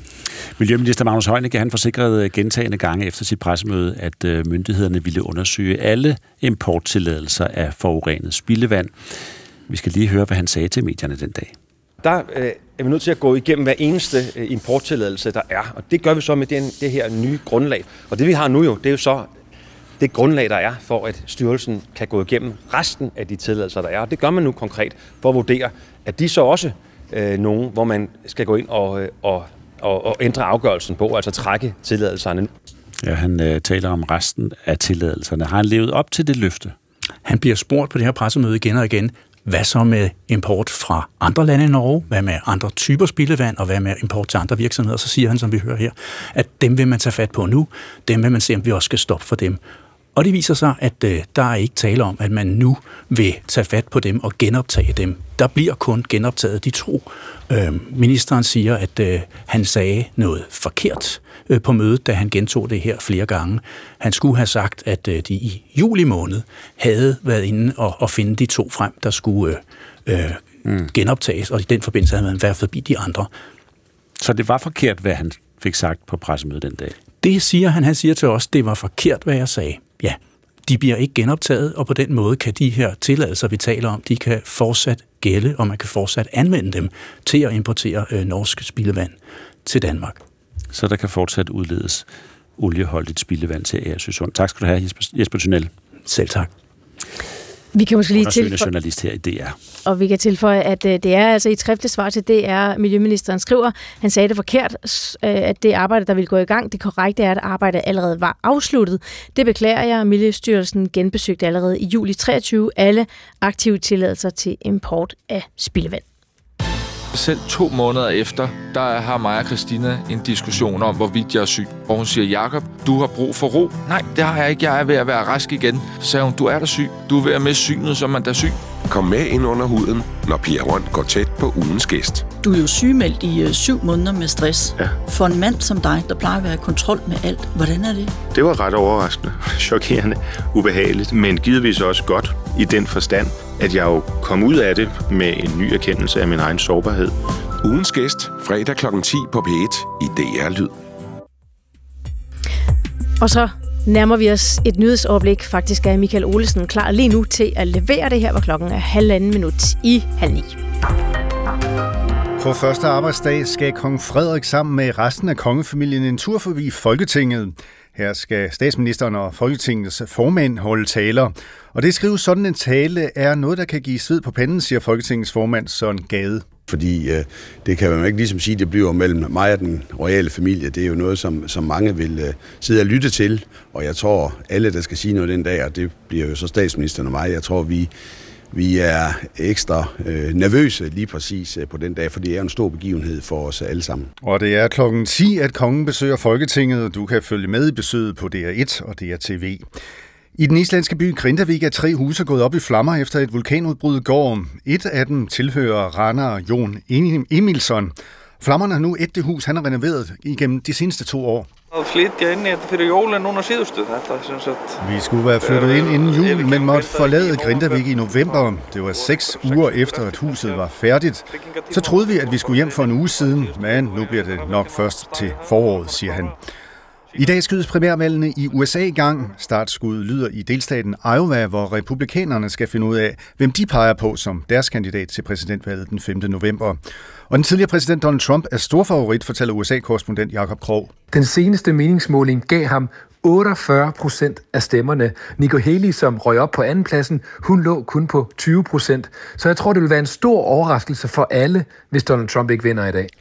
I de nordlige og østlige egne vil mange løbe ind i en sneby eller to, men som dagen skrider frem, så kan der komme sol på himlen mange steder. Vi får temperatur mellem 4 grads frost og 1 grads varme. I dag bliver anklageskriftet mod den mand, som er tiltalt for drabet på Emilie Meng, langvarigt frihedsberøv, langvarig frihedsberøvelse af en 13-årig pige og overfald på en 15-årig pige offentliggjort. Anklageskriftet afslører hidtil ukendte detaljer i sagen mod den 32-årige mand, som nu sidder varetægtsfængslet. Godmorgen, Trine Maria Ilsø. Godmorgen. Du er DR's retskorrespondent, og det er jo et langt anklageskrift med tiltaler for forbrydelser mod i alt tre unge piger. Anklagemyndigheden skriver i deres pressemeddelelse, at de gerne på forhånd vil advare om detaljerne i sagen. Hvordan skal man tolke det? Altså for det første, så er det, tror jeg, første gang, at øh, jeg kan huske, at anklagemyndigheden allerede, når de går ud og siger, at nu er der rejst en tiltale, at de så beder offentligheden om at være påpasselige, når vi skal dække sagen af hensyn til de unge ofre, øh, der er, og også deres pårørende. Og, øh, og det er højst usædvanligt, og de er jo ikke bare de eneste, der på forhånd, altså inden øh, anklageskriftet bliver frigivet i dag, er ude og, og forsøge at komme med en opfordring både til øh, medierne, men også til offentligheden som sådan, at vi er tilbageholdende. Øh, en af bistandsadvokaterne i sagen, øh, Majbrit Storm Thysen, som er bistandsadvokat for Emilie Mengs mor, er også ude at sige, at, øh, at de virkelig håber, at, øh, at vi er tilbageholdende, når vi beskriver øh, de grufulde detaljer, øh, som, øh, som der vil være i anklageskriftet. Ja, også Børns Vilkår har opfordret medier til at overveje dækningen af sagerne og vurdere, om hensynet til offrene vejer tungere end at beskrive detaljer. Men hvad betyder de her advarsler for, hvordan vi så som medier dækker retssagen? Altså, jeg kan jo kun tale på vegne af Danmarks Radio, og, øh, og vi vil i virkeligheden gøre lidt, som vi plejer. Altså, vi, når der kommer et anklageskrift, så, øh, så vil vi overveje, øh, hvad det er for nogle detaljer, der er nødt til at komme frem, øh, også øh, i forhold til dækningen.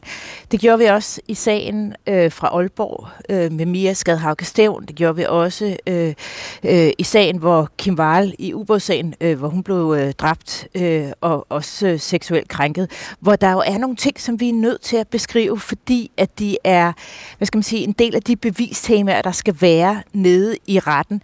Men omvendt, så var der også en masse detaljer i de to sager, for eksempel, som, øh, som vi ikke ikke genkend. Mm. Men hvis vi gør, som du plejer, mm. kommer vi så egentlig, øh, altså efterkommer vi så egentlig den opfordring, vi får fra anklagemyndigheden, børns vilkår osv.? Det kan jeg jo ikke sige nu, for jeg kender heller ikke indholdet af anklageskriftet.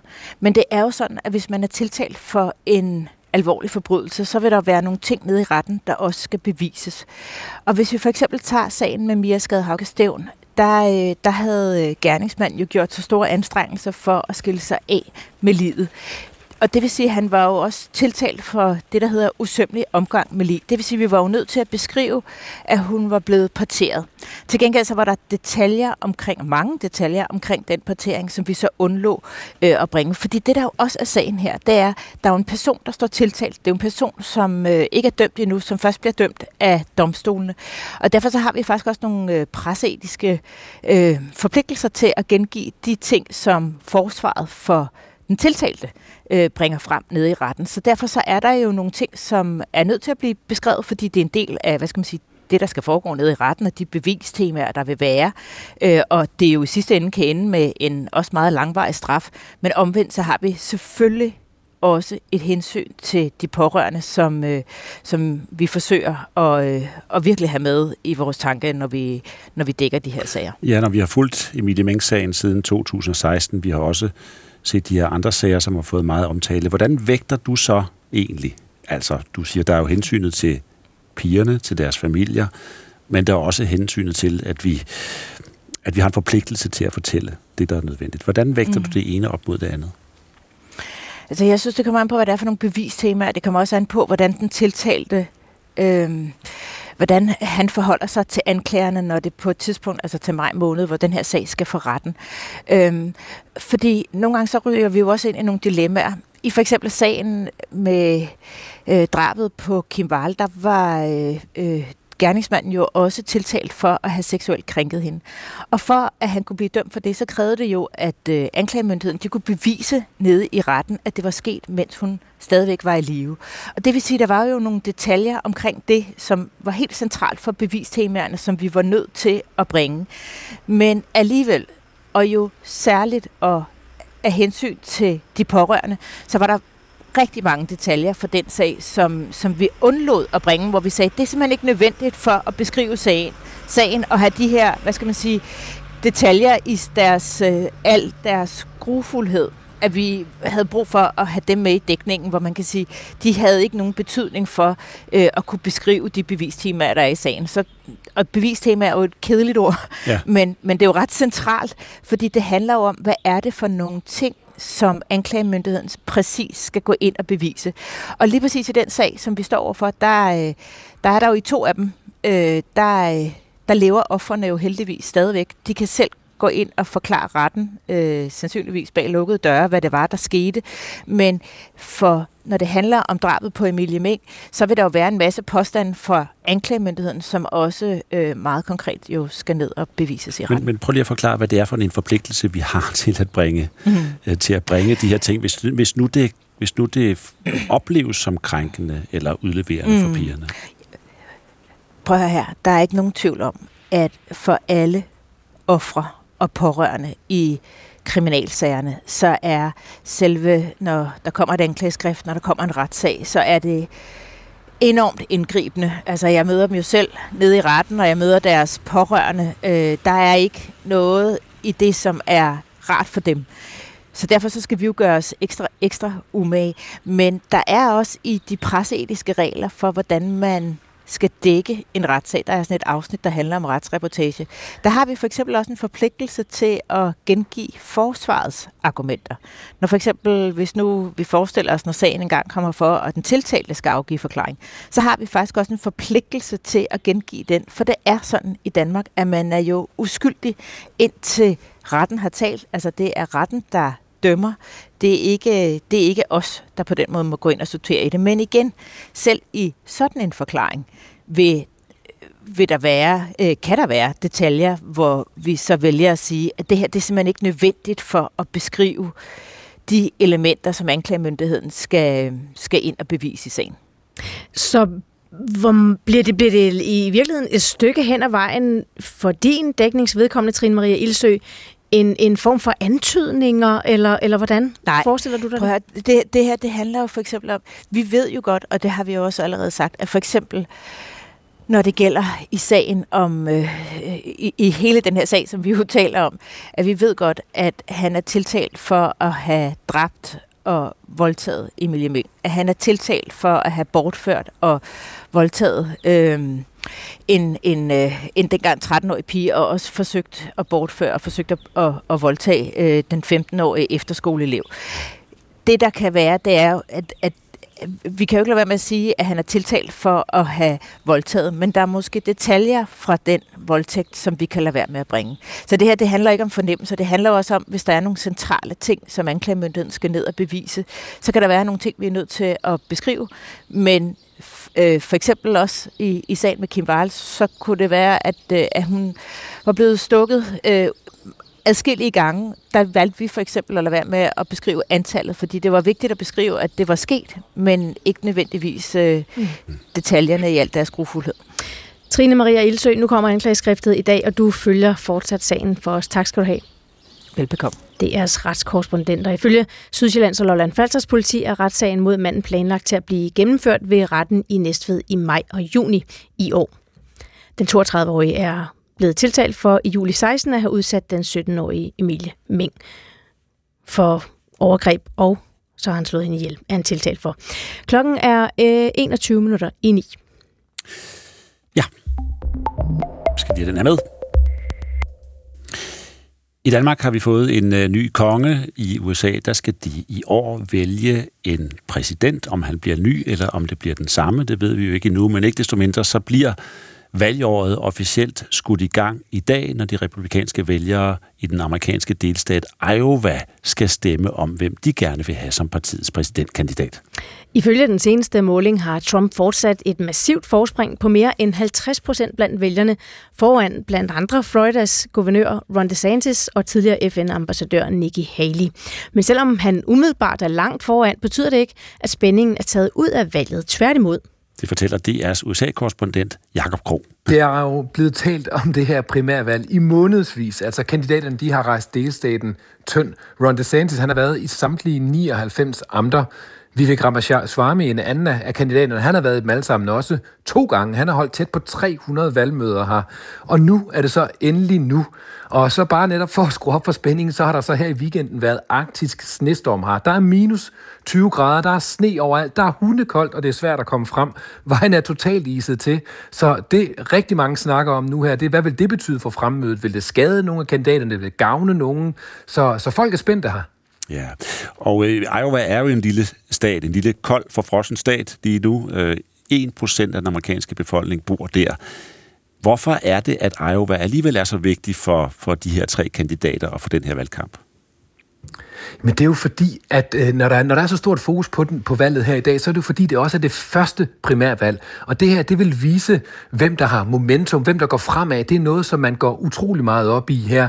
Og øh, kandidaterne og deres kampagne, deres strategier, de bliver trygtestet i de første primærvalg. Og vi ser ofte kandidater, som ikke klarer sig godt i de her første stater, altså at de dropper ud, at de giver op. Og det er altså her i de første primærvalg, at, at kapløbet det spidses til. Mm. Nu fik jeg sagt tre kandidater der er jo sådan set øh, fire, fordi øh, Trump, han er... Han fører jo det hele. Øh, han har øh, over 50 procents opbakning blandt de republikanske vælgere, viser meningsmålingerne. Er der overhovedet nogen spænding tilbage om, hvem der vinder forud for aftensvalg? Altså, der skal ske noget meget overraskende, hvis Trump han ikke skal vinde i dag. Så på den måde kan man sige, at der ikke er så meget spænding. Men det her, det handler i lige så høj grad om kampen om andenpladsen. Fordi de andre kandidater, særligt Nikki Haley og Ron DeSantis, øh, de kæmper for at blive nummer to. De kæmper for at vise, at de rent faktisk er et reelt alternativ til Trump. At de overhovedet har en chance mod Trump. Hvis de ikke lykkes med det, jamen så har de ikke nogen chance. Så vil det hurtigt gå op for de andre vælgere i andre stater, for donorer, og langsomt vil de formentlig begynde at sive. Mm. Og hvad, og hvad skal der til, for at de ligesom kan markere, at de godt kan spille en rolle i primærvalgene? Men de skal overraske, de skal i hvert fald vise, at de har momentum. De skal vise, at der er en eller anden form for begejstring bag deres kampagne, at de står tilbage, kan stå tilbage lang tid nok til, at de måske står tilbage som det eneste reelle alternativ til Trump, og at nogle af dem, som før stemte på nogle af de andre kandidater, de ligesom samler sig bag alternativet til Trump, altså dem, der står tilbage. Men er det overhovedet realistisk, når man tænker på den massive føring, som øh, Trump har? Er der overhovedet nogen, der tror, at det nytter noget at bruge sin stemme på de to, der ligger nummer to og tre? Altså man kan sige, uh, Nikki Haley hun står til omkring 20 procent uh, i den seneste meningsmåling, Ron DeSantis til 16 procent. Så ja, der er jo nogen, men det er jo ikke super mange i forhold til de 48 procent, som Donald Trump han står til. Men det er jo så bare her i Iowa. Det er en meget kristen, meget konservativ stat. Der er også mange andre stater, hvor, hvor vælgerne de ser anderledes ud. I New Hampshire i næste uge for eksempel, der øh, ligger Nikki Haley meget tættere på Trump. Øh, men altså, ser man på det helt store billede, jamen så fører Trump markant samlet set nationalt også, men vi ser altså ind i et, i et meget, meget uforudsigeligt valgår. Trump, som fører det hele, jamen han står også over for fire øh, straffesager. Han, der, der bliver diskuteret, om han overhovedet er berettiget til at stå op. Så på den måde, der kan der ske så meget endnu, som gør, at vi slet ikke kan forudse, hvem det egentlig er, der ender med at stå tilbage til sidst. Og den her øh, kamp om andenpladsen, som, øh, som er nok så vigtig, øh, der, der så det jo for noget tid siden efterhånden ud til, at øh, Floridas guvernør Ron DeSantis, han, øh, han skulle være den, der gik efter andenpladsen. Han har lagt masser af penge, tid og ressourcer på at gøre det godt øh, i Iowa. Nu står han jo så, som du er inde på, til at blive overhalet af Nikki Haley. Hvad betyder det for Ron DeSantis drømme om at øh, blive præsident, hvis han ender på tredjepladsen i Iowa? Jamen, så begynder de at se en hel del sværere ud. Han har lagt så mange kræfter i at klare det godt her i Iowa. Han har bygget hele sin strategi op omkring det. Og hvis han så ikke engang bliver nummer to efter Trump, i en dag i en stat, som burde passe ham rigtig godt med mange konservative, mange kristne, jamen hvad siger det så om de kommende primærvalg? Vi har New Hampshire i næste uge. Der ligger han markant lavere i meningsmålingerne end både Trump og Haley. Sidst jeg så, der lå han under 10 procent af stemmerne. Så hvis han ikke klarer sig godt her i Iowa, jamen så begynder det at se skidt ud for ham. Og så er der jo det med vejret. Øh, der er den her ekstreme, den arktiske storm, den her ekstreme kulde og vind. Og øh, det er noget, som DeSantis mener vil være til hans fordel. Our voters are very motivated. This is, I think it's very hard to poll an Iowa caucus a period, which the 16 poll was not accurate um, predicted, but especially one in negative 20 degrees. And so these are folks who are very motivated. Han mener, at hans vælgere de gider godt at bevæge sig ud i de her minus 30 grader. Øh, hvordan forventer man, at det vil påvirke valget med det her vejr? Der bliver talt utrolig meget om vejret her op til valget, det kan jeg egentlig også godt forstå. Jeg er jo selv lige ude for et par timer siden faktisk til et, et valgmøde med Ron DeSantis, og der er virkelig, virkelig koldt. Der er masser af sne. Det bliver minus 40 grader, når man tager vinden med i betragtningerne i morgen, øh, som, er, som er i dag i Danmark, som er på selve valgdagen. Så det er virkelig, virkelig koldt. Øh, og man forventer, at færre nok vil møde op øh, og stemme end for eksempel i 2016. Og hvad vil det så betyde for de enkelte kandidater? Hmm, ja, det gætter alle på, og gættene de går i alle mulige retninger. Nogle siger, det vil gavne Trump, fordi hans vælgere er de mest begejstrede, og derfor vil møde op lige meget, hvordan vejret er. Nej, siger andre, det vil gavne DeSantis, fordi hans vælgere er de mest begejstrede. Ej, nej, nej, nej, det vil skade DeSantis, siger nogen, fordi hans vælgere, de bor ude på landet, hvor det er sværere at komme frem. Andre mener, at det vil skade Nikki Haley, fordi hendes vælgere, de ikke er særlig begrænsede. Det er dem, der er mindst begrænsede, derfor nok også dem, der, der bliver hjemme.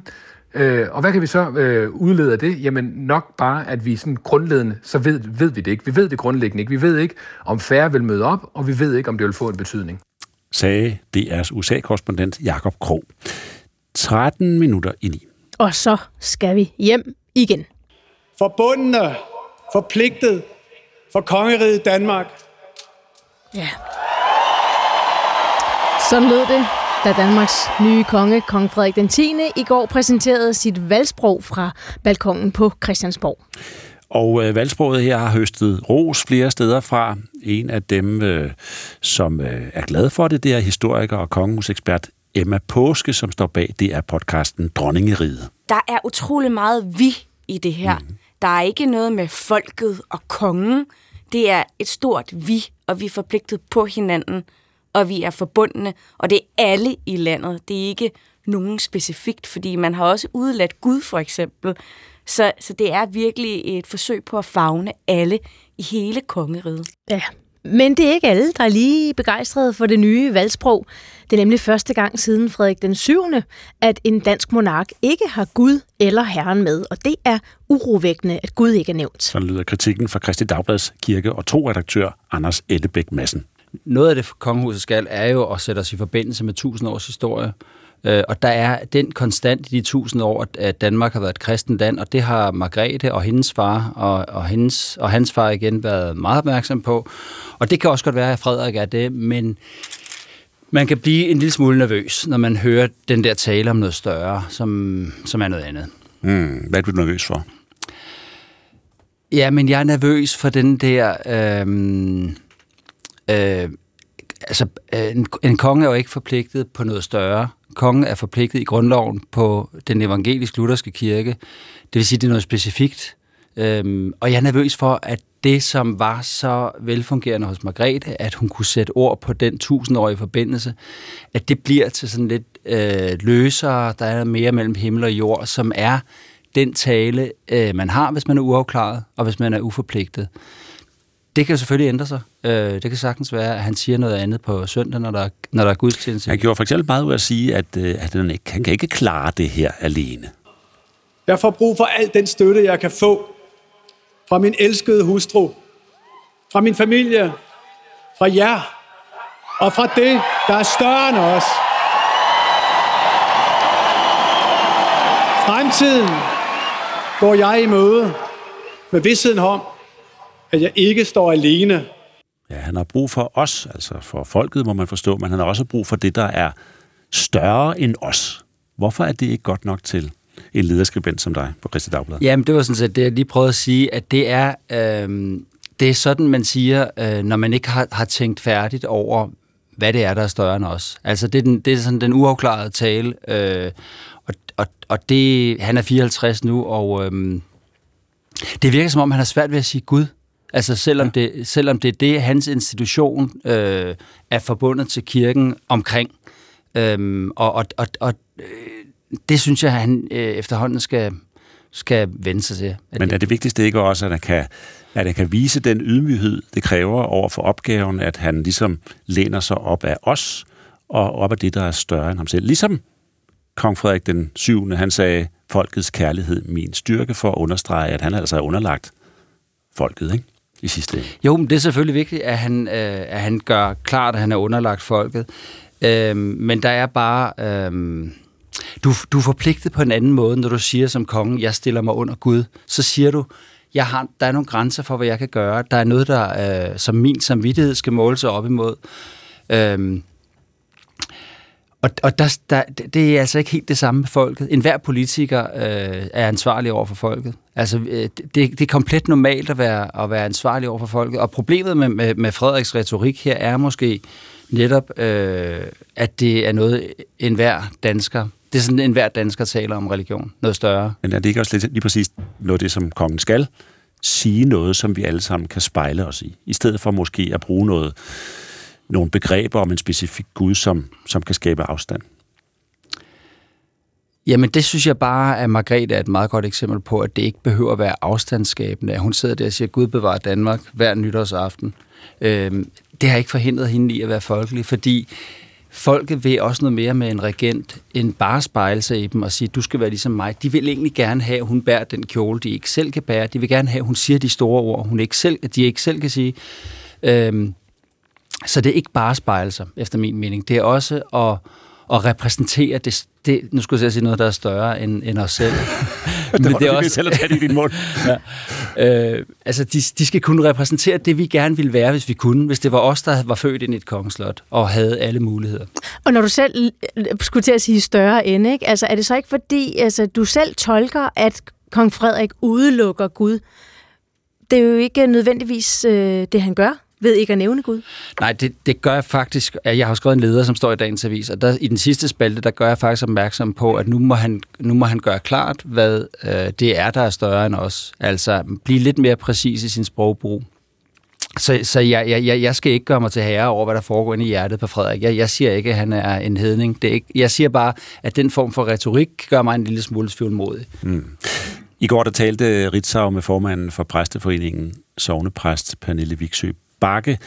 Øh, hun kan ikke se noget problem i, at den nye konge ikke har Gud eksplicit med i sit valgsprog, for det er ikke det samme som, at han ikke vedkender sig kristendommen, siger hun. Hun mener også, at der er evangeliske pointer i at sige, at man er forbundne, at man er forpligtet. Kan du ikke stille dig fred, tilfreds med, at Gud ligesom er der til stede imellem linjerne? Ja, jeg vil, jeg vil gerne have, at det blev sagt tydeligere. Altså, øhm, som jeg har argumenteret for. Jeg, jeg synes ikke, det er nok at tale sådan vævende og vagt om, om, om det, som man er forpligtet på. Men hvis 72 procent af danskerne er medlem af Folkekirken, og så kan man jo så diskutere, i hvor høj grad de så er kristne sådan i traditionel ja. forstand. Men så er der jo så i hvert fald 28 procent, som ikke er det. Skal han ikke også fagne dem med det, han siger? Det er faktisk ikke rigtigt, at der er 28 procent, der ikke er det, fordi du kan smække alle katolikkerne, de ortodoxe og de frikirkelige, så der er i hvert fald 75 procent af danskerne. Men altså, okay, jeg, jeg forstår din pointe. Ja. Øhm, jo, det skal han, men igen, det synes jeg også, Margrethe har været i stand til. Altså, øhm, på trods af, øh, du kan jo også sige, jamen, så skulle vi jo også afskaffe grundloven, hvis det er ikke at fagne, fordi der står også, øh, at, øh, at kongen er forpligtet på den evangelisk-lutherske kirke. Ja. Men, men, men som andre vil udlægge det her, det her er en, en, en konge, som rent faktisk forsøger på at være en moderne konge, der følger med tiden. Jamen, hvad er der moderne ved at være sekulær? Det er jo sådan noget, man sagde i 60'erne. Altså, i dag... Øh... Men du siger jo, at han ikke nødvendigvis er sekulær.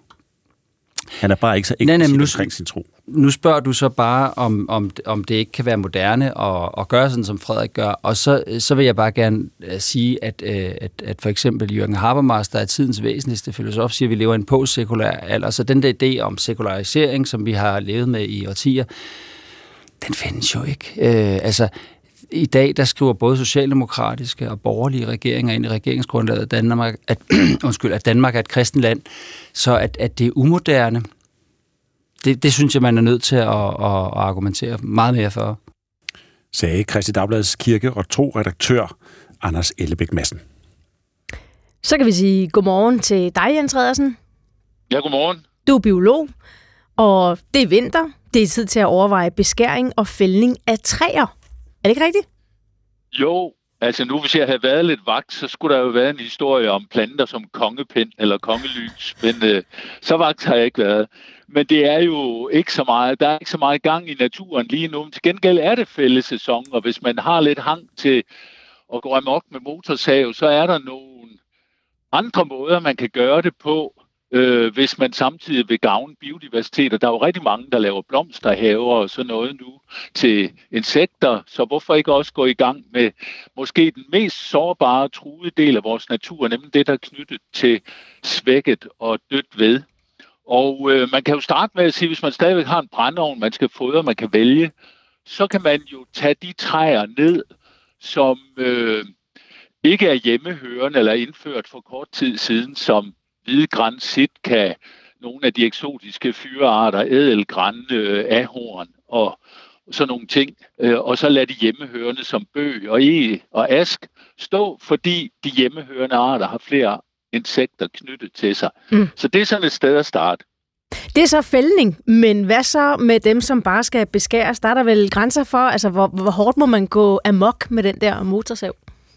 Jamen altså, de fleste træer kommer sig, men, men øh, det alternativ, der i hvert fald er til, hvis man synes, et træ er sygt eller for stort skygger, øh, det er i stedet for at så tage det hele ned, og så hvis man ikke selv skal bruge brænde, forære det til en onkel eller en fætter, øh, så øh, Øh, kan man gøre det, at man øh, skærer det ned, men måske skærer det ned i 2, 3, 4 meters højde, og så de næste 20 år har sådan det, man kalder, der er ord for det nu, en højstub stå, fordi det kan virkelig være et levested for mange insekter og svampe. Øh, der er sådan et stort sammenhængende dødstødt ved, og det er sådan et, der står op og er tørt og varmt.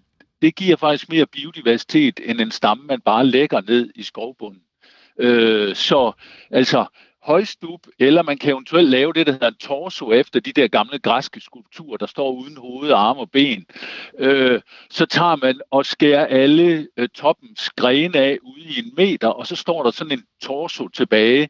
Det er virkelig et øh, fint levested, og kan være det i årtier frem. Og øh, så er der sådan lidt det, der er faktisk også mange af de der små huller og hulheder og syge dele, i, som et gammelt træ får. Vi tror, en bøg er gammel, når den er 100 år, fordi i skovvæsenet, der fjerner vi øh, de der træer, når de er over deres bedste væksttid.